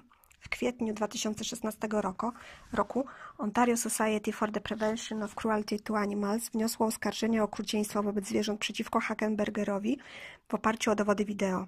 Na stronie internetowej NBC News do tej pory można obejrzeć szokujące zakulisowe nagranie tresury tygrysa. Hackenberger twierdził, że nie uderzył tygrysa 19 razy, a tylko dwa.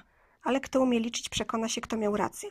W oświadczeniu stwierdzono, że Hackenberger uderzył samca tygrysa syberyjskiego Uno e, w pysk i mm, w brzuch i łapy te takie wrażliwe miejsca, dodając, że spowodował również duży niepokój zwierzęcia, wkładając, uwaga, kciuk w oko. Hackenberger oskarżył oczywiście PETA o sfabrykowanie materiału filmowego. To jest najczę najczęstszy zawód, zarzut, z jakim ta organizacja się spotyka. Wszyscy twierdzą, że oni sobie te materiały fabrykują. No, ciekawa jestem, w jaki sposób mieliby to robić. Co było bezczelne, jako że jest na filmie doskonale widoczny. Mm, typowy psychopata sadysta, dumny ze swojej władzy i głupoty. E, mężczyźnie groził maksymalny wyrok dwóch lat więzienia, grzywna w wysokości 66 tysięcy dolarów i możliwy dożywotni zakaz posiadania zwierzęcia. Mm, ostatnia notka w tej sprawie pochodzi z 2017 roku. Prywatne zoo zamknięto, a Hackenberger dziwnym trafem i zupełnie przypadkowo dostał udaru akurat wtedy, gdy miał stanąć przed sądem. Znana zagrywka oskarżonych, aby uniknąć procesu. Wracając do filmu. Gatunki zgromadzone na łodzi ocalałe po katastrofie statku. Scena ta przypomina podobny obraz czarnego rumaka Karola Ballarda z 1979 roku. To tygrys, zebra, hiena, czyli według nowej terminologii krokut i orangutanica. Zderzenie drapieżnika z ofiarą początkowo w chwili katastrofy, kiedy zwierzęta są zbyt oszołomione, by ze sobą walczyć, wkrótce jednak zgodnie z oczekiwaniami zamienia się w walkę o przetrwanie. Jak się nie trudno domyślić, przeżywają ci, którzy znajdują się na szczycie łańcucha pokarmowego, czyli pi i tygrys. W filmie zobaczymy charakterystyczne w tygrysie zachowania, takie jak oszczenie pazurów, przeciąganie się, mycie, elementy sekwencji łowieckiej, pływanie, znakowanie moczem, a także poruszanie się niespiesznym, nonszalanckim kocim krokiem. Oczywiście bohater reprezentujący antropocentryczną wizję świata dąży do ujarzmienia tygrysa. Bardzo podoba mi się scena, w której tygrys patrzy na księżyc, po czym zwiesza głowę i obserwuje ryby pływające pod łodzią. Inną zaletą filmu jest uwzględnienie tygrysiego e, punktu widzenia, czyli tak zwanego POV, POV, point of view, inaczej mówiąc ujęć mm, z tygrysiej perspektywy, e, na przykład wtedy, gdy tygrys ukryty pod plandeką obserwuje poczynania pi. Podobnie e, jak książka, film jest rodzajem przypowieści, a jej dwie wersje końcowe wzbogacają fabułę. Tygrys, opowieść starego łowcy, 2015 rok, reżyseria Park e, Hoon-young, Korea Południowa. Film, o którym zaraz opowiem, to prawdziwe ubiegłoroczne odkrycie. Z tego miejsca dziękuję Dawidowi Głowni, prowadzącemu bloga Panoptykon, poświęconemu w dużej mierze kinu azjatyckiemu, za wspomnienie o tym filmie podczas wykładu online o kinie koreańskim. Dzięki temu dowiedziałam się o tym wspaniałym filmie i mogłam nie tylko go obejrzeć, lecz także więcej poczytać na jego temat. Teraz y, opowiem o fabule. W okupowanej przez Japończyków Korei w 1925 roku Chun Manduk, szanowany myśliwy, mieszka ze swoim nastoletnim synem Seokiem w chacie niedaleko góry y, Jiri-san po tragicznym wypadku sprzed lat, w którym zabił swoją żonę podczas polowania na dużego samca tygrysa. Przestał polować i zaczął hodować zioła, które zbiera w górach. Japoński gubernator generalny nadzorujący okupację ma specyficzne hobby, to znaczy zbiera tygrysie skóry, e, a ma to też na celu podkreślenie kulturowej dominacji nad narodem koreańskim, i w końcu mam obsesję, żeby zabić ostatniego tygrysa w Korei, ogromnego jednookiego samca, który podobno żyje w górach, który zabił wielu myśliwych i wiele razy umknął e, ludziom. Tygrys nazywany jest władcą gór i geniuszem, a ludzie miejscowi obawiają się, że jego śmierć przyczyni się do zwiększenia liczby wilków i dzików i że równowaga ekologiczna będzie zaburzona. E, czyli poniekąd mają rację. Zlikwidowanie tego tygrysa staje się więc, można powiedzieć, narządem politycznym, gry politycznej, żeby e, stłamsić naród koreański i żeby Japończycy mogli potwierdzić swoją hegemonię. No i teraz okazuje się, że mężczyzna wspomniany, czyli ten stary myśliwy Manduk, śmiertelnie zranił matkę tygrysa, tego właśnie głównego y, bohatera tytułowego, gdy tamten był malutki i już wtedy miał, był jedno, widział na jedno oko, ale wtedy mężczyzna go oszczędził i jego rodzeństwo, no i zostały y, pozostawione same sobie na, na pastwę losu. Y, mężczyzna przeniósł je do bezpiecznej nory.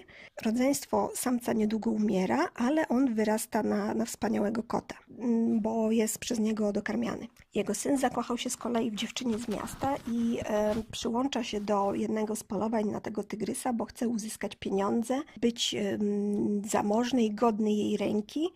Mm, tym bardziej, że ma konkurenta, który e, wydaje się być lepszym kandydatem. E, więc wbrew woli ojca idzie na to polowanie. Później w ciągu filmu, w trakcie trwania filmu obserwujemy e, niezwykle realistyczne, brutalne, ale genialnie zrobione.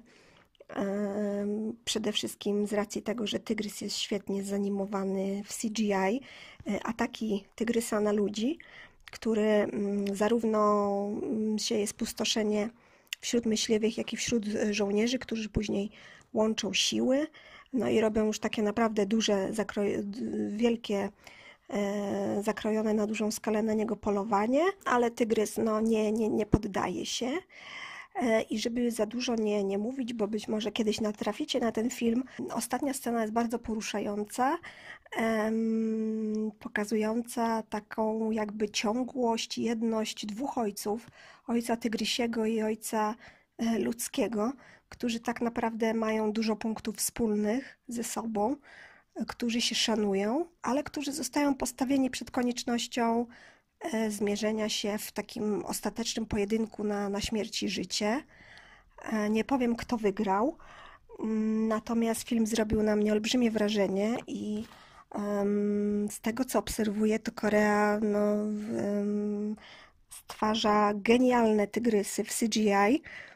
E, jedyny lepszy tygrys, którego widziałam stworzonego w CGI, to chyba tylko w życiu Pi a ich tygrysy są naprawdę nie dość, że są przerażające, to są genialnie, genialnie e, zanimowane. Także jak najbardziej polecam ten film, jest świetny. E, niektórzy się skarżą, że jest przydługi.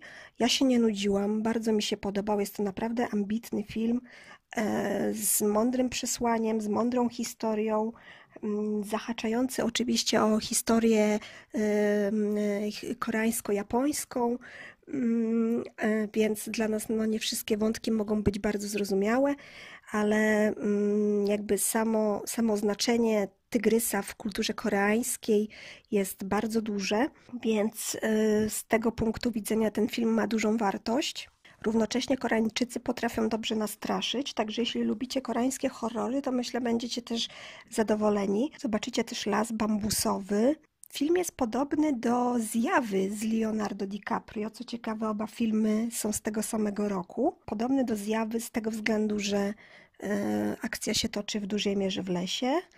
Mm, a poza tym e, no, mamy tutaj bardzo realistyczny atak. W przypadku Zjawy to był atak e, niedźwiedzicy. Tutaj mamy atak olbrzymiego, olbrzymiego, naprawdę dużego tygrysa przy którym ludzie to, to wydają się no naprawdę być mm, drobnymi figurkami. Natomiast najbardziej w tym filmie podoba mi się właśnie ta, e, ta relacja, jakby pokazanie wspólnoty losów człowieka i zwierzęcia, to tego, że obaj coś stracili w życiu. Obie strony, zarówno tygrys, jak i stary myśliwy, mają powody do zemsty więc jakby z jednej strony mogą się zrozumieć, a z drugiej strony no jednak stoją e, po przeciwnych stronach barykady, tylko dlatego, że no jeden jest tygrysem, a drugi jest człowiekiem. Jeden chce go upolować, na drugi chce się obronić. Mm, także bardzo Wam ten film polecam pochlebnej recenzji filmu na IMDb możemy przeczytać epicki południowo-koreański przebój kinowy Tygrys opowieść Starego Łowcy to mieszanka dramatu historycznego i filmu przygodowego. Aby w pełni zrozumieć ten film, musisz zdawać sobie sprawę z faktu, że tygrys jest symbolem kojarzonym z Koreańczykami i ich odpornością na utrzymanie kultury, tożsamości i wartości pomimo trudów, przez które ten lud przeszedł i przez który przechodzi do dziś. Dlatego obsesja japońskich najeźdźców na punkcie eksterminacji ostatniego tygrysa półwyspu wiąże się z faktem, że gdyby osiągnęli ten cel, oznaczałoby to, że opór zaatakowanego kraju zostałby ostatecznie przełamany. Ten kontekst wyjaśnia również, dlaczego wielu Koreańczyków gardzi Japończykami, obawia się konsekwencji polowania i szanuje tygrysa, nazywając go władcą gór. Mimo to niektóre koreańskie postaci chcą widzieć tygrysa martwego z wielu różnych powodów, m.in. reputacji, zemsty i bogactwa. Gdyby tygrys miał umrzeć, powinien przynajmniej umrzeć z rąk koreańskiego myśliwego. Film przedstawia trzy różne grupy, które ostatecznie polują na legendarnego tygrysa: japońskich żołnierzy, koreańskich myśliwych i samotnego głównego bohatera. Oczywiście ten filozoficzny film nie tylko zajmuje się symboliką związaną z tygrysami, ale dotyka też głębokich tematów, takich jak przebaczenie, honor i strata oraz wartości rodzinne. Historia starego myśliwego i starego tygrysa ma również wiele podobieństw. Tygrys w tym filmie wydaje się niemal człowiekiem i można w jakiś sposób utożsamiać się z majestatyczną bestią. Zwróćcie uwagę, jest użyte słowo bestia oczywiście. Pomaga również, że CGI Tygrysa jest zaskakująco dynamiczne, majestatyczne i realistyczne.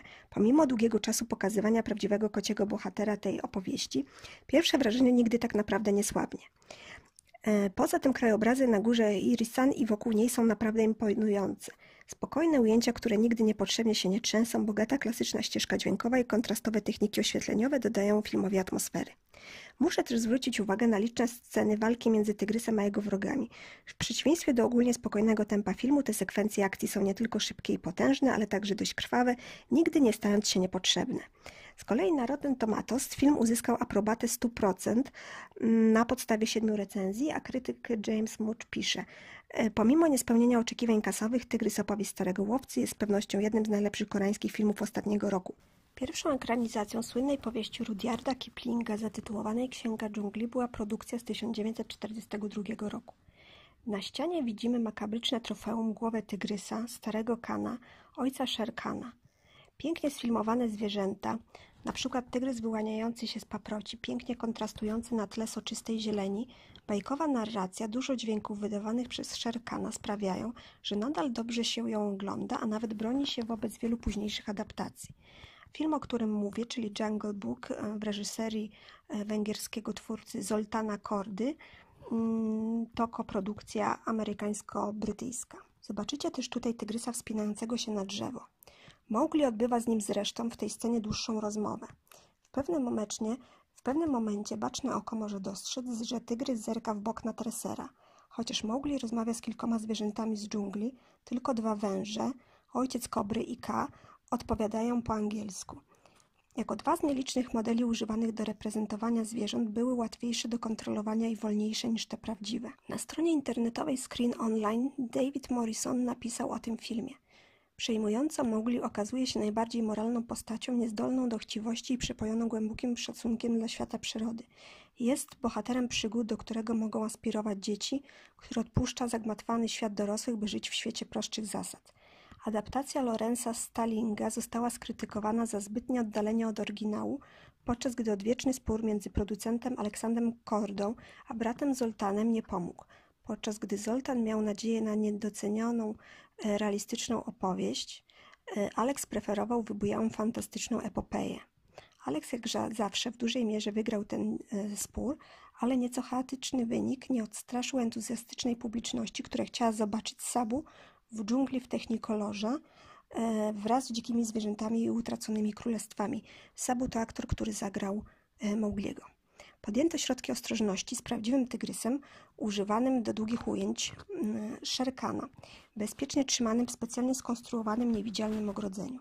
Plan był jednak nadal niebezpiecznym miejscem i jak wspominał stały współpracownik Kordy, Osmond Bora, Boradale, Zoltan omal nie utonął podczas kręcenia sekwencji z udziałem ogromnego gumowego pytona.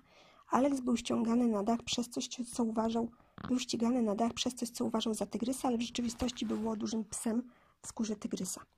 Oddana ekipa została, oddana ekipa mm, otrzymała nominację do Oscara za zdjęcia, efekty e, specjalne, kierownictwo artystyczne i muzykę. Szczególnie scena pożaru w dżungli w spektakularny sposób wykorzystała Technicolor, by osiągnąć punkt kulminacyjny filmu, E, w ryczącym blasku światła, a różnorodna gama zwierząt stanowiła egzotyczne tło dla heroicznych przygód Sabu, grożąc zaćmieniem samej gwiazdy. Jest to również doskonały przykład skomplikowanej mowy ciała dużych kotów, którą w pomniejszonej skali wielu z nas może obserwować w swoich domach. Tajemnicza dżungla nie jest jednak plenerem znalezionym w Indiach, lecz mieści się w Kalifornii, bo tam powstał film z uwagi na toczącą się wówczas II wojnę światową.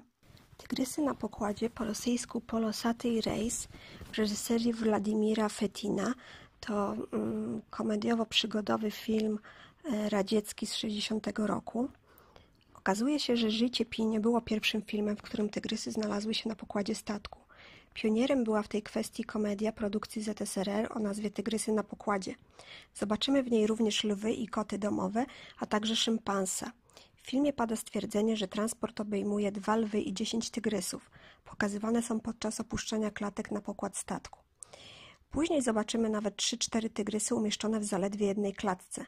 Pokazane jest karmienie zwierząt. Wizerunki tygrysów odnajdziemy na witrażu w restauracji, a także rysunek poglądowy tygrysa, którego poszczególne części ciała są ponumerowane jak na obrazkach dla rzeźników. Wzięło się to stąd, że w wyniku nieporozumienia pracownik gastronomii zostaje wzięty za towarzysza pogromcę, podczas wykładu dla załogi statku omawia więc anatomię drapieżnika w jedyny dostępny dla siebie sposób. W filmie pojawia się wiele absurdalnych jak na obecne czasy zdań i zwrotów, takich jak towarzyszu pogromco, tygrysy pasą się na pokładzie jak w dżungli, mówi się o nich pasiaste diabły. Zwierzęta rozrabiają i straszą załogę, drą poduszki, pierze fruwa, pogromca biega z batem, a jakże. Obsadzeni w głównych rolach treserzy są przemocowi również przed kamerą. Tygrysy są ciągnięte za ogony, bite przez kobietę torebką, rzuca się w nie butem kozakiem. Wiadomo, jak wyglądała i wygląda tresura cyrkowych zwierząt, strach więc pomyśleć, e, jak wyglądały te treningi, w cudzysłowie, gdy nikt nie patrzył. Sceny humorystyczne to tak, gdy jeden z mężczyzn podziwia z daleka płynącą grupę. Nie widzi, że są to tygrysy. Mówi, pięknie płyną. Jego towarzyszka pyta, kto? Na co mężczyzna odpowiada, jakaś grupa w pasiastych strojach kąpielowych. Treserka pływa z tygrysami, a jeden z nich pomaga jej się wydostać z wody. W podzięce jest poszturchiwany. Z drugiej strony w jednej ze scen Mariszka, czyli wspomniana dorodna radziecka treserka, opatrzyła tygrysowi łapę niczym znany z wielu przedstawień w sztuce święty Hieronim Lwu. Film zarejestrował też chyba najsłynniejszą scenę z tego obrazu, a mianowicie walkę w klatce lwa i tygrysa. Jeden z bohaterów wyjaśnia drugiemu, Waśka napadł na Achillesa. Waśka to lew, a Achilles tygrys. Obraz ukazuje też tygrysa towarzyszącego człowiekowi w kąpieli, bynajmniej nie obawiającego się pryskającej na niego piany, zaglądającego przez bóle i siejącego zamęt na radzieckim statku. Aladdin Johna Moskera i Rona Clemensa, um, amerykański film animowany Disneya z 1992 roku. Tutaj Tygrys to pupil księżniczki Jasminy. Jego imię pochodzi od różnych władców subkontynentu indyjskiego. Raja oznacza indyjskiego księcia w hindi i arabskim. W filmie animowanym e, duży kot pełni rolę obrońcy i pocieszyciela dziewczyny w trudnych chwilach. Zamieniony przez złego wezyra w rudego, pręgowanego kotka, w końcu odzyskuje swą prawdziwą postać. Trzeba przyznać, że Disney ma dobrą rękę do tygrysów. I to dosłownie, ponieważ tygrys w każdej jego produkcji wygląda inaczej. Raja jest muskularny, ma bogatą mimikę, na przykład robi równie zdziwione miny jak jego podopieczna, łasi się jak domowy kot i śpi przy boku Jasminy, broniąc dostępu do jej komnaty. Jego obecność jest dość marginalna, ale z pewnością warta zapamiętania. E, remake filmu pochodzący z 2019 roku Aladdin w reżyserii e, Gaia Ricciego to e, film baśniowo-przygodowo-musicalowy w roli Gina możemy tutaj zobaczyć Willa Smitha. I tutaj e, Tygrys Raja przybył do księstwa Agraba, zinspirowanego Indiami królestwa Shirabat, e, skąd pochodziła zmarła matka Jasminy. Chociaż wzorowany na prawdziwym zwierzęciu, Raja został oczywiście wygenerowany komputerowo dzięki technologii CGI.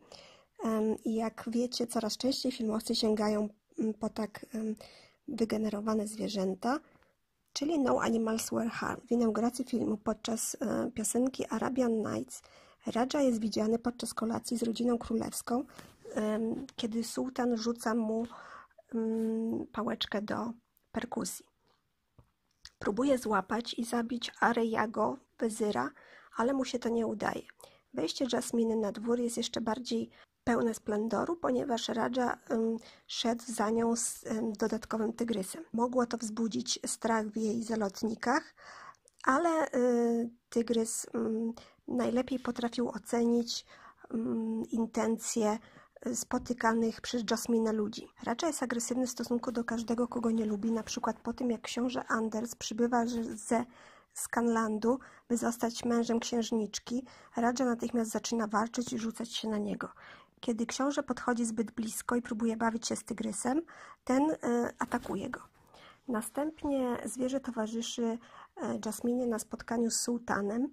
Kiedy Jafar próbuje zahipnotyzować księżniczkę, mm, tygrys warczy na niego ostrzegawczo, powodując, że Jafar się cofa. Raja po raz pierwszy spotyka Aladyna, e, gdy, gdy ten zakrada się do pałacu, by zwrócić bransoletkę Jasminie, którą wcześniej ukradł Abu. Tygrys wącha Aladyna na powitanie, szybko, szybko zdobywa jego zaufanie. Kiedy Aladyn wraca jako książę Ali, aby być z Jasminą, nie udaje mu się zaimponować księżniczce, w zamian zyskuje pogardę Radży. Później tej nocy, kiedy Aladyn przybywa do Jasminy z pomocą magicznego dywanu, aby przeprosić za e, swoje wcześniejsze zachowanie. Tygrys groźnie do niego podchodzi, ale Jasmina wydaje polecenie, żeby nie atakował chłopaka, ponieważ książę potrzebuje nóg do tańca. Jednak po spotkaniu mm, z nim twarzą w twarz, w końcu tygrys zaczyna go lizać po twarzy w przyjaznym geście i natychmiast rozpoznaje w księciu Aladyna. Kiedy Jafar, e, który zostaje na, który zostaje na skutek swoich intryg sułtanem, rozkazuje strażnikom uwięzić e, Jasminę, e, wzywa strażników, żeby go powstrzymali, dopóki księżniczka go nie uspokoi. Po tym jak Jafar zostaje czarownikiem, Raja próbuje go zaatakować, ale za pomocą magii Jafara zostaje teleportowany z sali, wysyłając go do lochów. Pod koniec filmu tygrys jest widziany na weselu Aladyna i Jasminy, a później bierze udział e, w piosence podczas napisów końcowych. Chociaż tygrysy tradycyjnie spotyka się w Azji Środkowej, Południowej i Wschodniej, a nie na Bliskim Wschodzie, nie, nie jest bezpodstawne założenie, że dzięki bogactwu sułtana był on w stanie w pewnym momencie sprowadzić tygrysa jako prezent dla Jasminy. W filmie zobaczymy też jaskinię pełną skarbów, która u wejścia strzeżona jest przez głowę tygrysa ze świecącymi oczami. Scenę tę zrealizowano w Jordanii. Król Tygrysów, miniserial. Przyznam, że nie przepadam za serialami, w tym przypadku musiałam jednak poznać historię samozwańczego króla tygrysów i postarać się ocenić pod kątem tego, jakie miejsce zajmują w tym wszystkim zwierzęta. Spodziewałam się mniej więcej, co mogę zobaczyć w kontekście trzymania w domach dzikich kotów, jednak jednego nie przewidziałam prawdziwej bomby złożonej ze skłębionych ludzkich emocji, problemów, oskarżeń przemocy. W serialu poznajemy trzech hodowców, dwóch mężczyzn i kobietę oraz ich partnerów i współpracowników. Wspomniana kobieta prowadzi obecnie sanktuarium dla dużych kotów. Niech was jednak nie zmylą pozory. Pozytywnego bohatera tu nie znajdziecie. No, może tygrysy, chociaż i w tym przypadku pojawia się odgryziona ręka.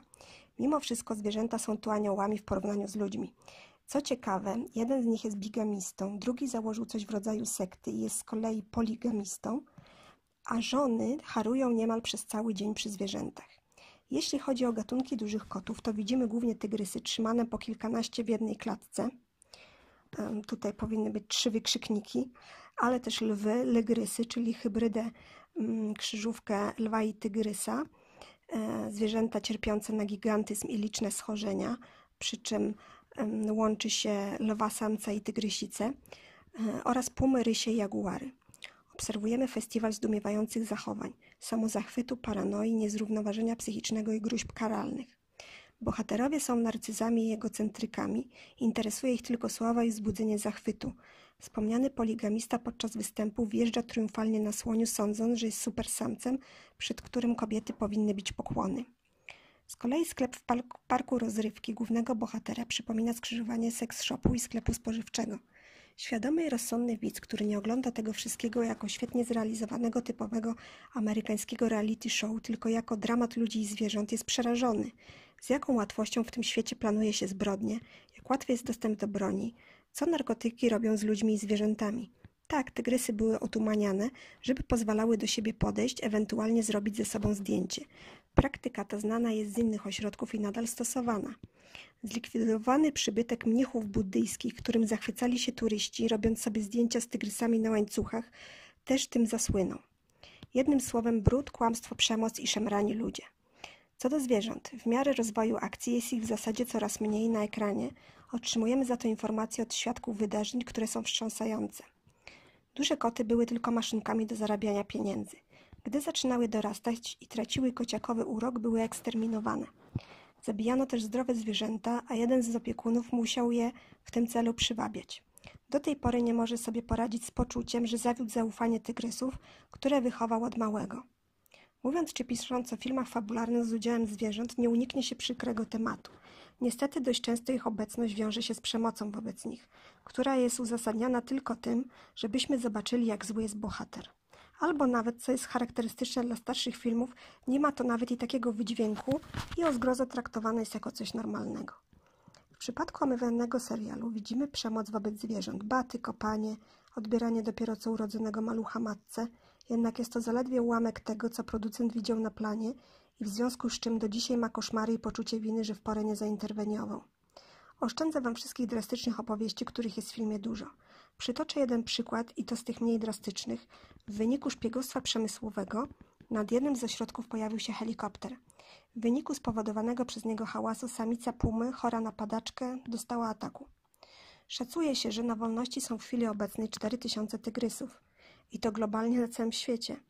A tylko w posiadaniu prywatnych domów w Stanach Zjednoczonych od 5 do 10 tysięcy. Są to przerażające statystyki.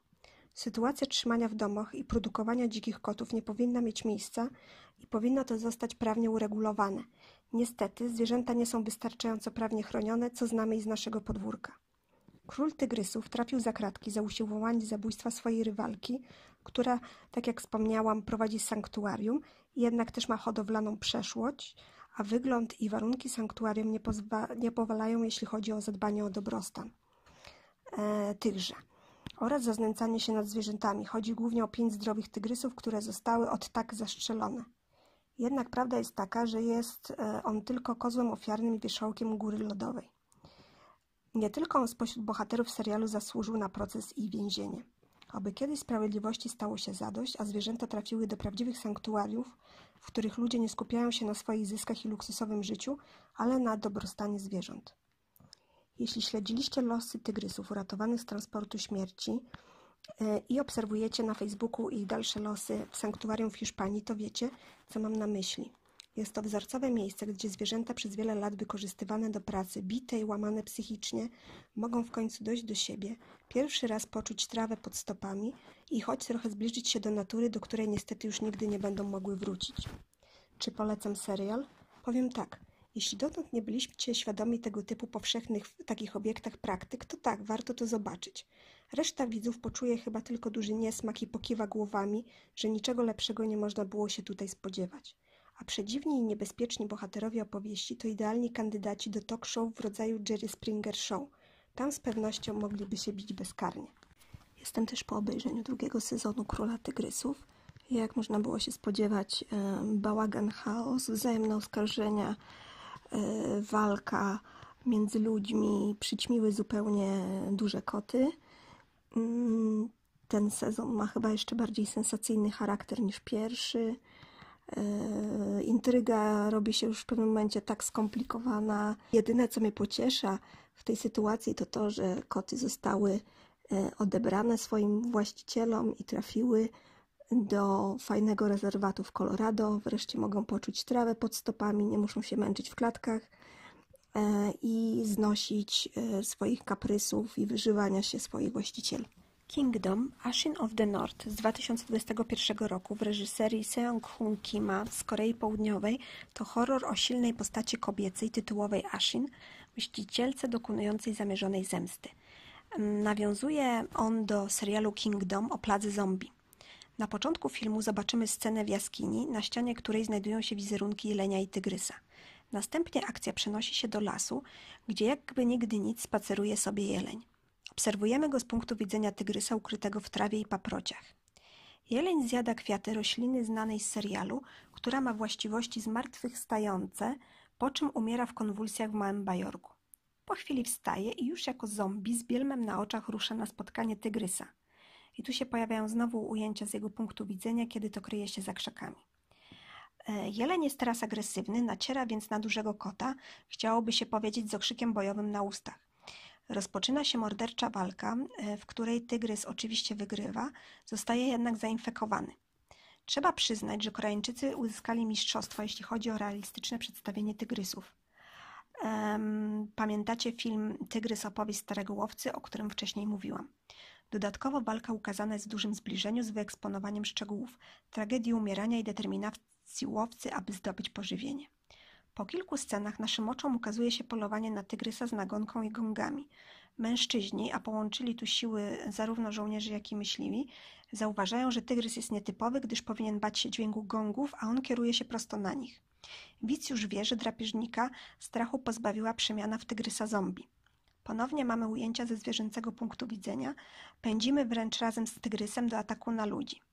Samo uśmiercenie ludzi jest równie realistyczne jak we wcześniej wspomnianej koreańskiej produkcji. To my stajemy się polującym drapieżnikiem. Jeden z umierających żołnierzy mówi kolegom: To nie tygrys, to potwór. Ciekawa kwestia, zważywszy, że tygrysy są często w filmach nazywane właśnie bestiami czy potworami. Kiedy następnie na polu pod lasem dochodzi do starcia dwóch wrogich obozów, okazuje się, że walczący nie są na nim sami. Domyślacie się zapewne, kto czyha ukryty wśród płowych zbóż. Tygrys znowu sieje zniszczenie, zostaje też jednak ranny, a konkretnie pozbawiony prawego oka. Ostatecznie zostaje zabity mniej więcej w jednej trzeciej filmu. Po rozpruciu brzucha okazuje się, że zwierzę już wcześniej nie żyło. Na szczęście technologia CGI pozwala nam spać spokojnie, żaden tygrys nie ucierpiał. Jest to całkiem niezły film, przyznałam mu siódemkę na film Webie i z pewnością podobał mi się bardziej niż sam serial Kingdom. Biały Tygrys z 2021 roku w reżyserii Ramina Bahraniego e, to indyjski film, produkcja hinduskiego Netflixa. Biały Tygrys jest tutaj metaforą losów głównego bohatera, pochodzącego z niskiej kasty Balrama, który dzięki swoim intrygom zostaje kierowcą bogatego Ashoka. Film powstał na podstawie powieści pod tym samym tytułem autorstwa Aravinda Atigi, e, prywatnie bliskiego przyjaciela e, z czasów szkolnych e, reżysera.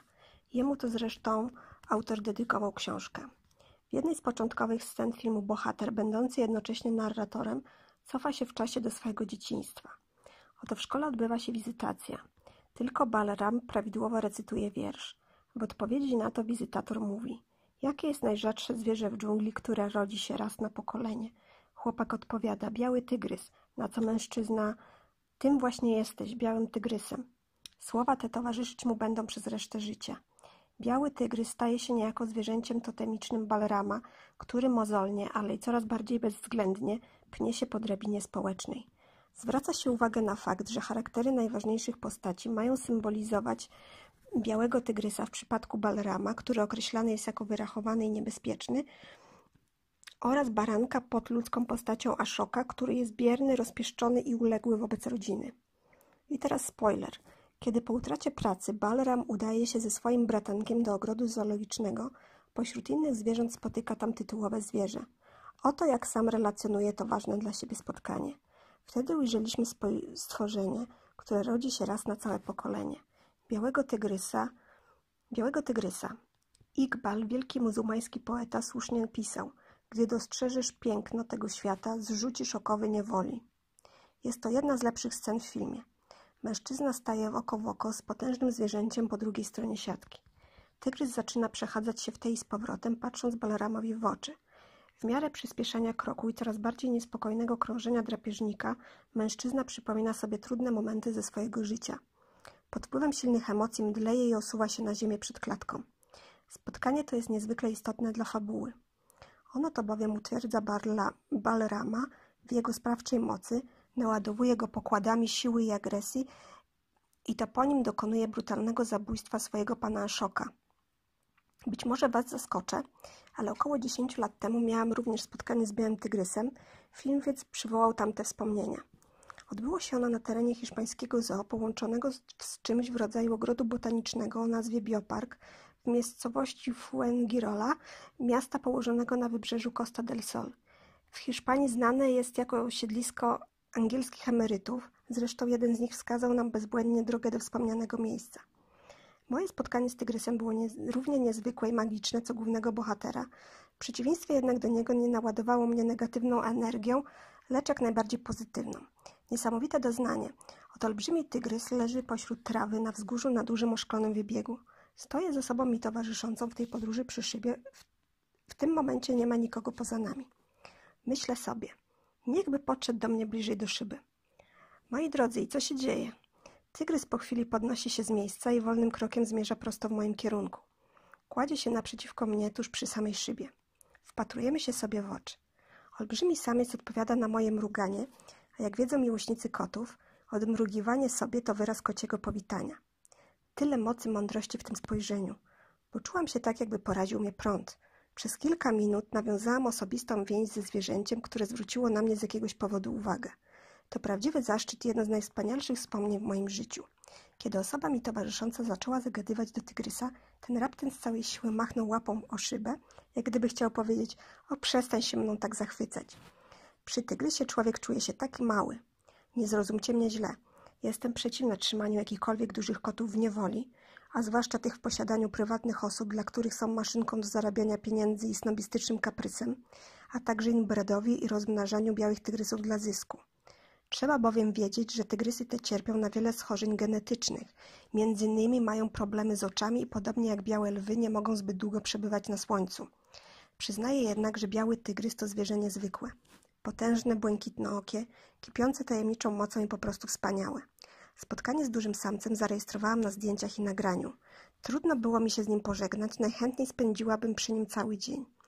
Wcześniej nieraz widziałam tygrysy, głównie sumatrzańskie czy bengalskie, w ogrodach zoologicznych w Polsce i za granicą.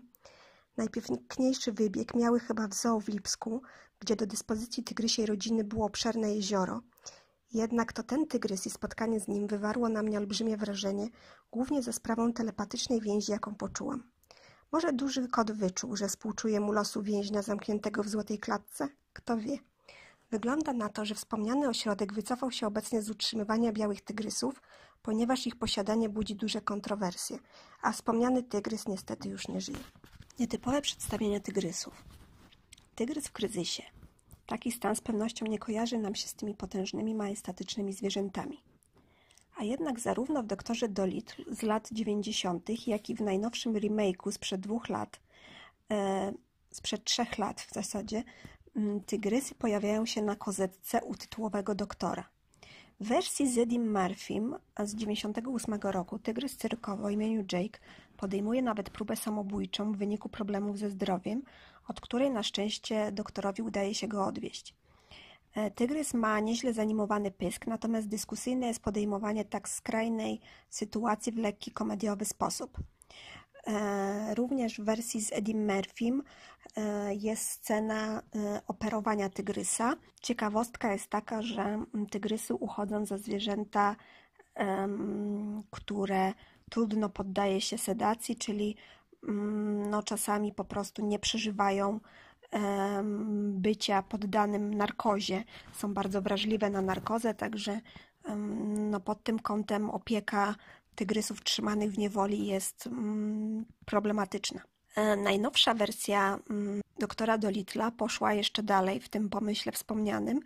E, tygrys zwany e, Barym Rzeźnikiem jest wręcz chory psychicznie, trzymany w kazamatach pałacu na łańcuchu, a przybyłemu na miejsce doktorowi, którego jest byłym pacjentem, skarży się na problemy rodzinne z matką oraz kompleksy, na które cierpi w wyniku ciągłego porównywania się z bratem.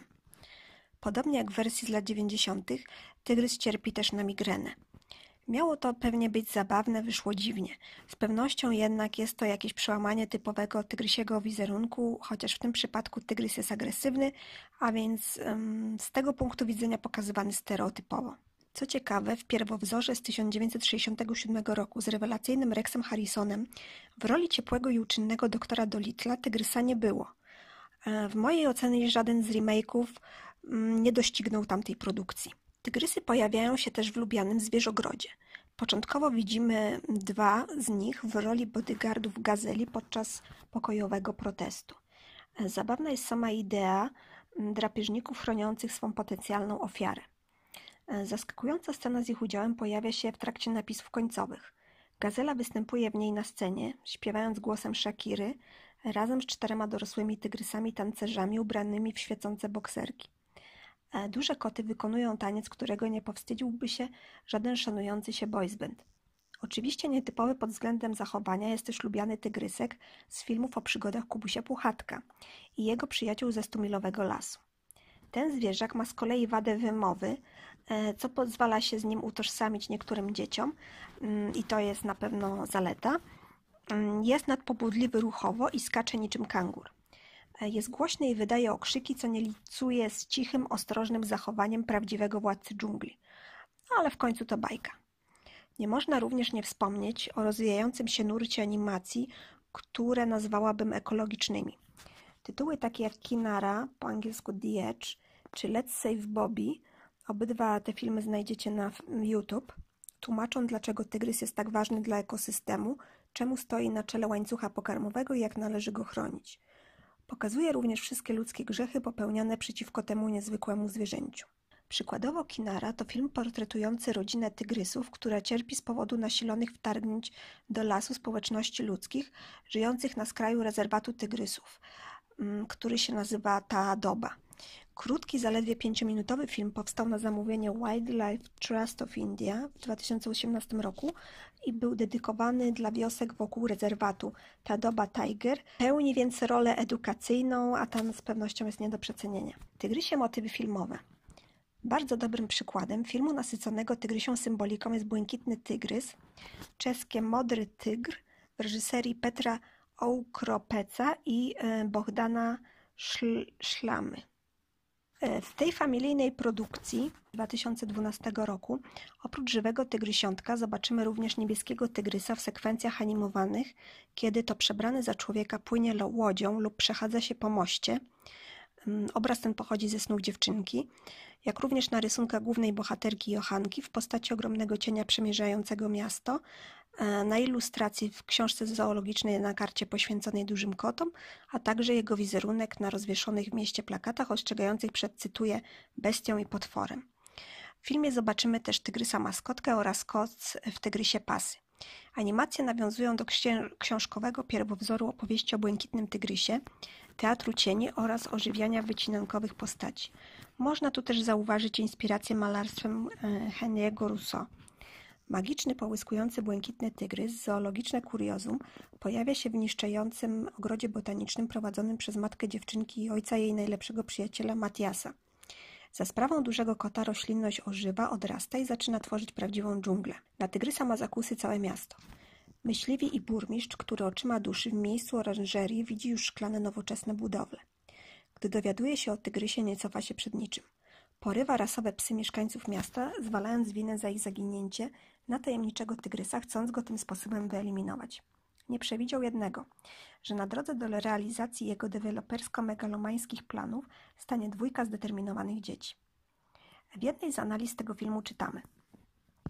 Kilkakrotnie postrzegamy obecność tygrysa z jego subiektywnej perspektywy, a obiektyw szerokoekranowy zniekształca obraz, rzeczywistość jest przerysowana. Bliżej jest bliżej, odległe dalej.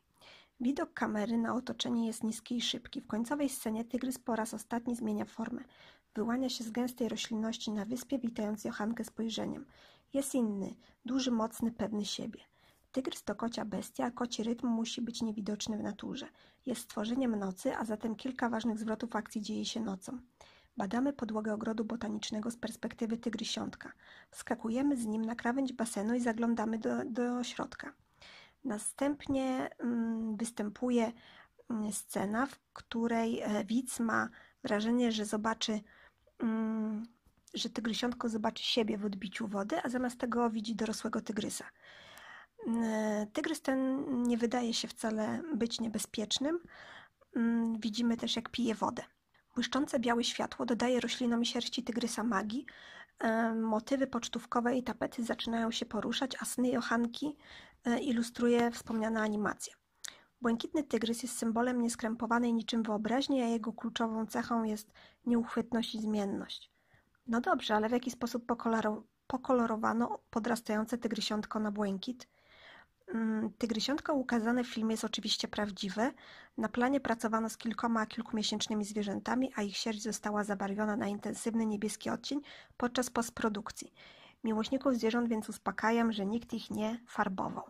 E, zbieżny z powyższym filmem z uwagi na tytuł, niebieski łamany na błękitny tygrys, e, jest obraz z 1994 roku, który wykorzystuje wizerunek niebieskiego tygrysa, umieszczając go na piersiach mordercy w postaci tatuażu. Tygrysy stosunkowo często pojawiają się w filmach w postaci nadruków na koszulkach lub graffiti na ścianach. Podobnie jak lew, tygrys funkcjonuje w zbiorowej wyobraźni jako zwierzę ikona. Nic więc dziwnego, że jest bohaterem spotu amerykańskiej wytwórni filmowej Mandalay Pictures założonej w 1995 roku. Widzimy w nim biało-czarną dżunglę i wyskakującego spośród roślinności młodego tygrysa, ukazanego w kolorze.